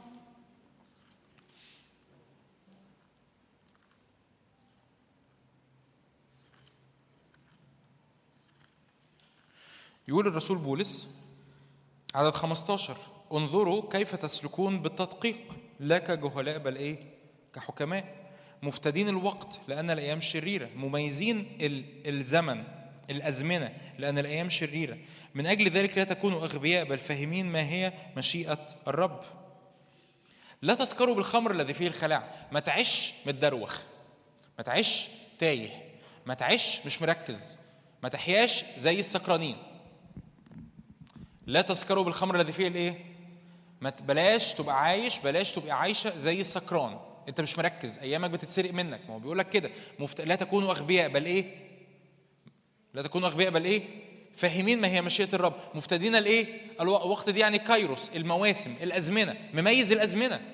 ما ده نفس التعبير اللي بولس يقوله في رومية 13 في اذ تعرفون الأزمنة أو تعرفون الوقت. الآية الآية ال- تناهى الليل وتقارب النهار. فنخلع أعمال الظلم ونلبس أسلحة النور. ده رومية 13 حضرتك المفروض تبقى مميز الوقت وتفتديها. يعني انت تفتديها؟ تلحقها تركز في الوقت تمتلك التوقيتات الازمنه تقولي إيه الزمن؟ أنت عايز تكلمنا عن الزمن النبوي. حبيبي إحنا في الأزمنة الأخيرة. ده مش زمن نبوي. الأزمنة الأخيرة ابتدت من أول ما الرب يسوع جه. الأزمنة الأخيرة دي إحنا موجودين لأجل حاجة واحدة بس امتداد ملكوت الله. طب أنا عايز افتدي الأزمنة. محتاج أركز إنك ما تعيش زي السكرانين. يعني إيه تعيش سكران؟ مش مركز. حياتك تايهة. مش مركز في أيامك. مش مركز في ساعاتك. مش مركز في يعدي عليك شهور شهور شهور وأنت زي ما أنت. يعدي عليك تقول لي أنا بقالي شهرين ما باخدش خلوتي. أنت شهرين؟ مستنية. شهرين؟ تقولي ما باخدش خلوتي. ده أنا ده أنا لو الصبحية عدت ما قعدتش قدام الرب احس في حاجة غلط. احس مش مظبط. دماغي مش مظبطة. تقول أنا بقالي ثلاث سنين ما بخدمش. طب أنت بتعمل إيه؟ مفتدين الإيه؟ الوقت. لأن الأيام إيه؟ شريره فما تسكرش ما العدو بيملانا بالخمر بتاع العالم. خمر العالم مش معناه بس الخطايا الوحشة خمر العالم معناه التوهان بتاع العالم. التوهان بتاع بابل التوهان بتاع الخطية التوهان بتاع أرواح الشر التوهان بتاع إحساس إن أنا إيه عايش مع اللي عايشين وتايه مع اللي تايهين وايامي وامبارح زي النهارده وزي بكرة والسنة الجاية زي السنة دي وهو كله مسلم بعضه. خطر خطر خطر كبير خطر كبير. لأن هت هت هتلاقي مرة واحدة عمرك اتسرق. مرة واحدة هتلاقي عمرك اتسرق. مش عارف انت قضيت عمرك في إيه. إيه قضيت عمرك في إيه؟ أنا كنت تايهة. تايهة في إيه؟ مش عارفه تايه في إيه كنت؟ مش عارف. شبابك راح فين؟ مش عارف. صح ولا إيه؟ معايا؟ فلا تسكروا بالخمر الذي فيه الإيه؟ الخلاء بل إيه؟ امتلئ بالإيه؟ بالروح القدس. مكلمين بعضكم بعضا مزامير وتسابيح وأغاني روحية. مترنمين ومرتلين في قلوبكم للرب شاكرين كل حين كل شيء. في اسم ربنا يسوع المسيح لله والآب خاضعين بعضكم لبعض في خوف. الله. ببساطة الرسالة بتاعت النهاردة اللي أنا خلصتها وعايزين نصلي إن الرب يريد أن يملأك بالقوة كل يوم. الرب عايزك تبقى ممتلئ بالقوة كل يوم. دي دعوة. دي دعوة إنك تمتلئ بالقوة كل يوم. أربع حاجات بساط خالص كلنا عارفينهم. مفيش أي حاجة جديدة. مفيش أسرار مخفية. مفيش أي حاجة. أربع حاجات بساط خالص تمتلئ بالقوة كل يوم. أول حاجة أقعد قدام الكلمة كتير. قد إيه؟ كل يوم. اتنين ادرك جسد المسيح ودمه. قوة جسد المسيح وقوة دمه. كل يوم. ثلاثة صلي بألسنة كتير. كتير. من يصلي بلسان يبني إيه؟ نفسه واللي بيتحكم في لسانك بيتحكم في جسدك. اللي بيتحكم في لسانك بيتحكم في جسدك. بتقول إيه عن نفسك؟ بتقول إيه عن أيامك؟ بتقول إيه عن فلوسك؟ بتقول إيه عن صحتك؟ اللي بتعلنه بلسانك هيأتي في جسدك ببساطة. صلي بألسنة كتير. أربعة وأخيرا امتلئ بروح القدس. كل يوم. لأنكم تنالون قوة متحال الروح القدس عليكم. أمين. قولوا النهارده النهارده واحد بنصلي كده أصلي معاكم الروح ملء الروح القدس. مشغول بكده بقالي كذا يوم. صلي لأجل ملء الروح القدس. قول له روح الله أنا مش عايز آخد الشعلة وتطفي زي كل مرة. آمين. مش عايز آخد الشعلة وتطفي. أنا عايز آخد الشعلة وأجري بيها. أنا عايز آخد الشعلة وتضرب في آخرين وتشعل آخرين. مش بس أنا أشتعل لكن الحقيقة أنت مش هتحافظ على الشعلة إلا لما تشعل آخرين. إلا لما تجيب الحاجات التانية ملهاش قيمة في حياتك زي الخشب والعشب والقش. وترميهم في النار. إيه اللي بياكل وقتك؟ إيه اللي بيستنزف وقتك؟ إيه اللي بيستنزف مجهودك؟ جمع الخشب والعشب والقش واعمل إيه؟ ارميهم في النار. جه الوقت بقى إنك تتخلص من الخشب والعشب والقش. الحاجات اللي متقلك الحاجات الحاجات اللي عماله تستنزف قوتك وتستنزف طاقتك وتستنزف فرحك وتستنزف سلامك. تقولي لأ أنا اللي مستنزف سلامي ال- الفلوس اللي أنا مستنيها تيجي وما بتجيش. أقول لك لأ ده ما يستنزفش سلامك. صدقني مش هو ده اللي بيستنزف سلامك. مستنزف سلامك انك باصص على الفلوس مش ان الفلوس ما جاتش. تقولي لا أنا اللي افقدني طاقتي الناس المتعبة اللي حواليا. لا مش ده اللي افقدك طاقتك. اللي افقدك طاقتك انك باصص على الناس انهم مصدر فرحك وشبعك مش انك باصص على الرب. لو بصيت على الرب هتكتشف ان الناس اللي انت بتقول عليهم تعبينك ده مجال مجال ليك انك تخدمهم وانك تغسل رجليهم انك تبقى شبه المسيح. بولس وسيله في السجن. كم مرة سمعت الوعظة دي؟ كتير. بولس وسيله في السجن. دي كانت فرصة لزعزعة أساسات السجن. فرصة إن بولس وسيله يختبروا اختبار ما اختبروش قبل كده في حياتهم إن أساسات السجن تتزعزع. ولو ما اتزعزعتش في هذه الجماعة هيقعدوا منتصرنا بالذي أحبنا. لأن في كل الأحوال إن عشت إن عشنا في الرب نعيش وإن متنا فللرب إيه؟ نموت. لأن أنا عايز أفتدي الوقت. عايز افتدي الزمن. فالرب يملأني بالقوة. آمين؟ نقف كده قدام الرب دلوقتي وقول له روح الله تعالى ملاني بالقوة. في اسم يسوع. جدد القوة جدد التشجيع. تعالوا نصلي مع بعض. جدد القوة جدد التشجيع جدد الرؤية. مش عايز أبقى زي الغلام المصري اللي مرمي. داود النهارده كده يقابلنا. الرب الرب يسوع يقابلنا ويشجع ويملأنا بالقوة في اسم يسوع. روح الله ملانا بالقوة في اسم يسوع. روح الله ملانا بالقوة. تاخد النار دي وتقول له يا رب أنا املاني بالكلمة وملاني بالحق وملاني بالتشجيع الوقت الجاي. اضرم اضرم النار في قلبي. عايزين نرمي الأعذار ارمي الأعذار كده ارمي الأعذار الأعذار اللي أنت بتقولها لنفسك. يا رب أنا برمي الأعذار ال- الحاجات اللي أنا الخارجية اللي أنا مستنيها عشان تشجعني. يا رب أنا برمي الأعذار دي وبقول لك يا رب أنا بستقبل قوة أنال قوة من الأعالي في اسم يسوع. انال قوه من الرب الروح القدس في اسم الرب يسوع. انال قوه من الرب الحاضر. هللويا. نعم. روح الله اغمر اغمر هللويا. لو بتصلي بالروح صلي بالروح. أشجعك. لو بتصليش بألسنة. sorry أنا آسف. sorry يا مارتن. وأنت بتعزف كده. لو بتصليش بألسنة تعمل إيه؟ ببساطة. وأنت وأنت مغمض عينك دلوقتي في الاجتماع. أنا في يا جماعة أنا الموضوع ده بعمله بقالي مش عارف قد إيه كتير. شفت كم يعني كم واحد بيصلوا بألسنة يعني بمنتهى الأمانة بمنتهى الأمانة بدون مبالغة الافات بمنتهى الأمانة بدون مبالغة. ما أقدرش أقول مئات لأن هم مش مئات هم الافات الموضوع أبسط من البساطة. ببساطه وأنت واقف قدام الرب بتصدق إن الروح القدس موجود. بتؤمن إن الألسنة دي ليك الموهبة ليك. ليه ليك؟ لأن الرب قال إنها ليك. من غير تعقيدات من غير ما تقعد تكلكع في دماغك من غير ما تقعد تفكر هقول إيه ومش هقول إيه ما تعملش أي حاجة. حط عينك على الرب يسوع ركز. تقولي طب أنا بصلي بألسنة بس بنطق حرف واحد نفس الكلام ليك برضه. ما تشغلش بالك بحاجة. حط عينك على الرب يسوع ادرك إن الرب يسوع موجود. لأن الرب يسوع موجود قول له روح الله تعالى ملاني شكرا لأنك بتملاني شكرا لأنك موجود فيا. روح القدس هو الرب يسوع هو اللي يعمدني بالروح القدس. هيحصل إيه؟ لسانك مش هيتحرك غصب عنك. امال إيه اللي هيحصل؟ هتشعر انه في لغة في حروف في حروف. الحروف دي لو ركبتها ورا بعض هي مش عربي. بس انت لسبب ما عايز تنطقها. إيه اللي المفروض تعمله دلوقتي في اللحظة دي؟ انك تنطقها. هي دي الالسنه الموضوع بالبساطة دي مش تعقيدات مش مش خزعبلات مش الموضوع بالبساطة دي. أمين؟ أمين؟ أمين. يعني أتمنى يكون حد هنا ما بيصليش بألسنة يستقبل النهارده. ملء بروح القدس ويصلي بألسنة. طب هو ده كتابي؟ يعني مش عارف أقنعك إزاي إنه كتابي أكتر من الآيات اللي أنا فتحتها لك. أيوه كتابي. طب الموهبة دي ما انتهتش؟ لا ما انتهتش. لو انتهت ربنا هيقول لنا مش هيخبي علينا. تنتهي ليه؟ يسوع المسيح هو هو أمس واليوم وإلى الأبد. روح القدس هو هو ما اتغيرش بس قول له روح الله تعالى ملاني مد إيدك قدامك كده قول له روح الله تعالى ملاني لو أنت بتصلي بالروح ابتدي صلي بالروح. قول له روح الله تعالى ملاني ملاني بالقوة ملاني بالنار ملاني بالغيرة في اسم الرب يسوع. لو عايز تقبل صلاة بألسنة دلوقتي قول له روح الله تعالى سود على ذهني سود على قلبي في اسم الرب يسوع سود على لساني في اسم الرب يسوع.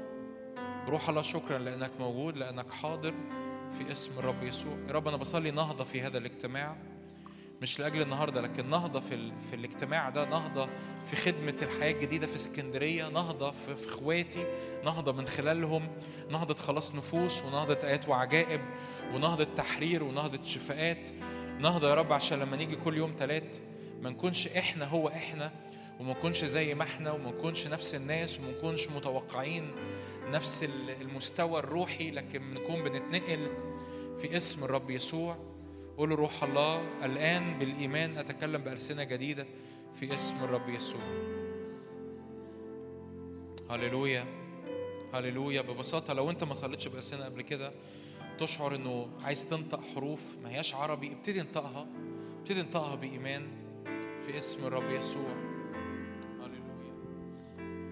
في ناس بيقعدوا سنين مقتنعين إنه ربنا مش عايز يسكب عليهم أو إنه ما جاش وقتهم. كل ده مش حقيقي وكل ده مش كتابي. ببساطة صلي وامتلي بروح القدس وحط عينك على يسوع وصلي لو تحب إنه في اسم يسوع ذهني يخضع للروح القدس. في اسم يسوع ذهني يخضع للروح القدس وفي اسم يسوع برفض أي فكر تدين أو أي روح تدين. في اسم الرب يسوع من على ذهني. والآن أتكلم بألسنة جديدة. ببساطة وابتدي انطق ببساطة بسلاسة. باسم يسوع. كمل صلاة بألسنة. كمل اعبد الرب بألسنة. زي ما بتصلي بالعربي انت بتصلي بالألسنة. زي ما بتعبد بالعربي بتعبد بألسنة. زي ما بتتشفع بالعربي بتتشفع بألسنة. زي ما في حرب روحية بالعربي في حرب روحية بألسنة. ف... فسيب نفسك قدام الرب واعبد الرب في اسم الرب يسوع.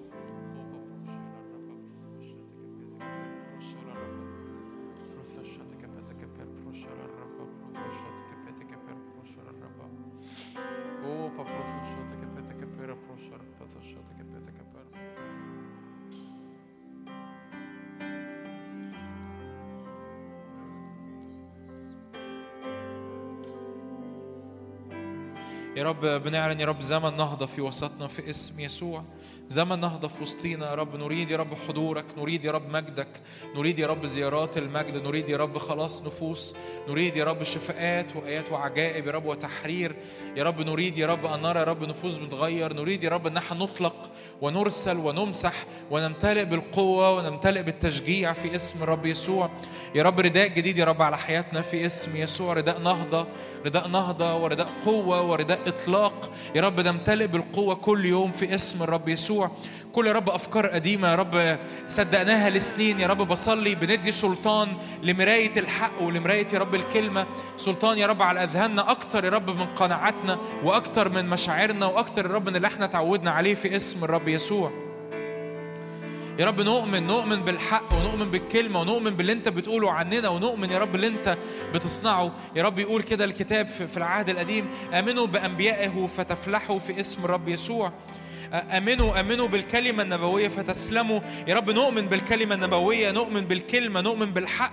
نؤمن يا رب بالكلمة النبوية يا رب. لما تريد أن تصنع في حياتنا ولما تريد أن تصنع في هذه الأرض في اسم الرب يسوع في اسم يسوع.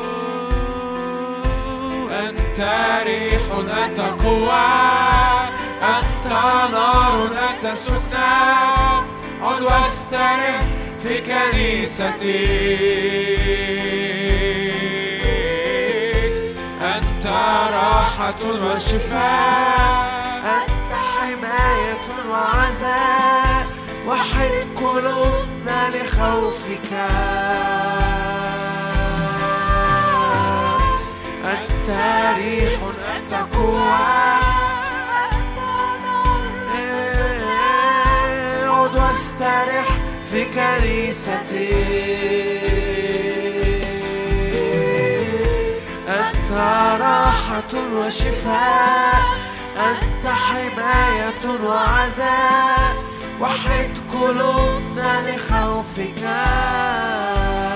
روح الله تعالى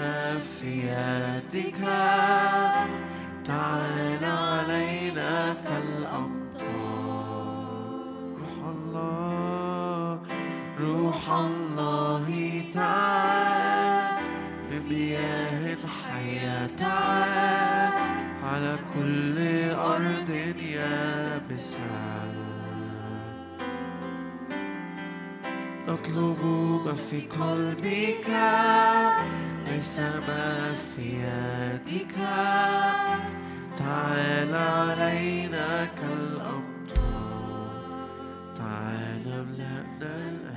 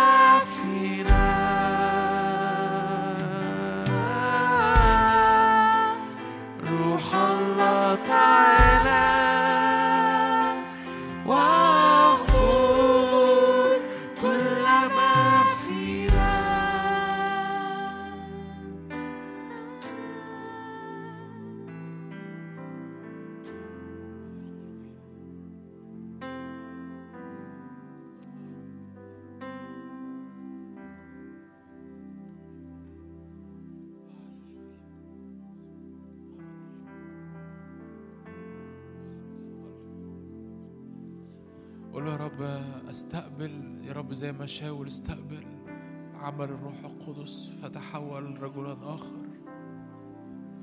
في سكيب من المخافة وفي سكيب من الحضور الإلهي وفي تشفعات خارجة.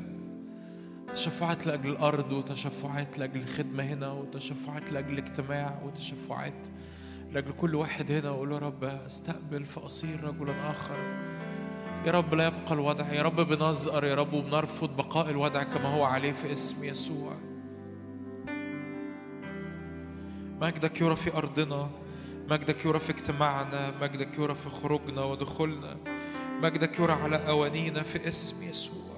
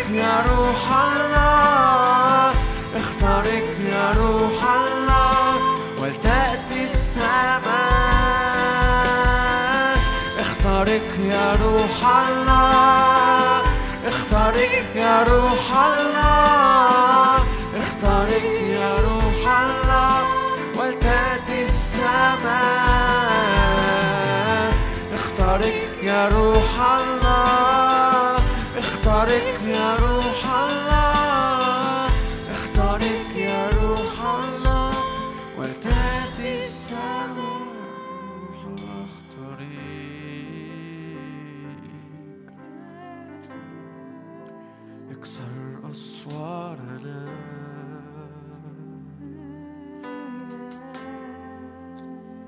روح الله اختارك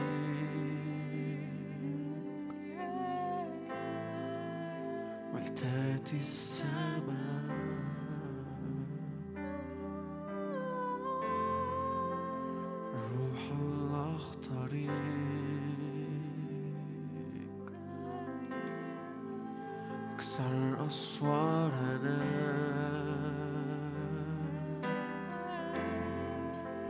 روح الله اختارك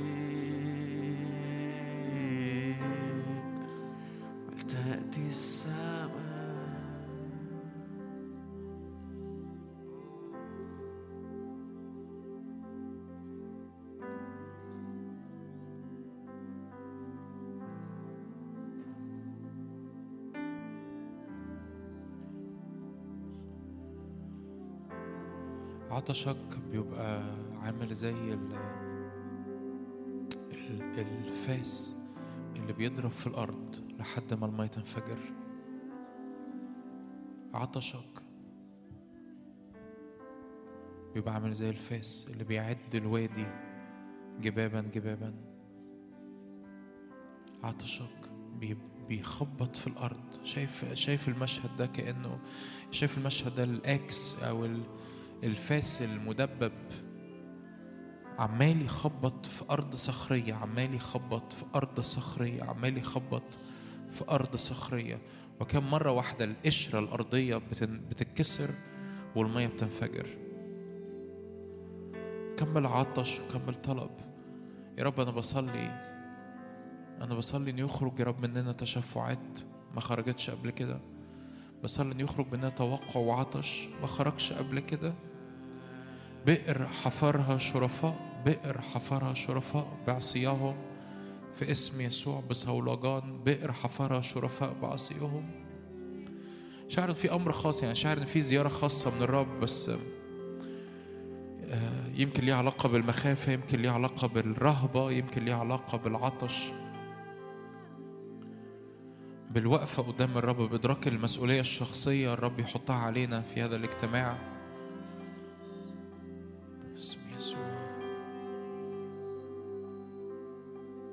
بنقلة اطلب نقلة واطلب ترقية. هللويا.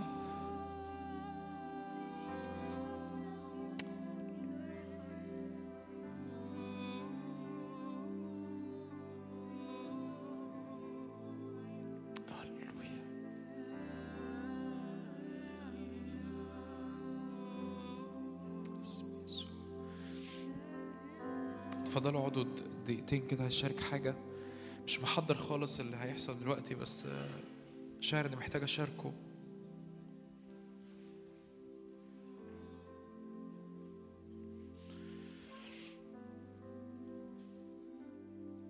آه، أول مرة يعني أنا كنت منتمي لكنيسة مش مش منفتح على عمل الروح القدس. الكلام ده في 2009 من 2008 من سنين يعني. قبلت الرب في 2006 وبعد كده كنت بقرأ يعني كنت شاب في جامعة فبقرأ الكتاب المقدس وبقرأ سفر أعمال الرسل.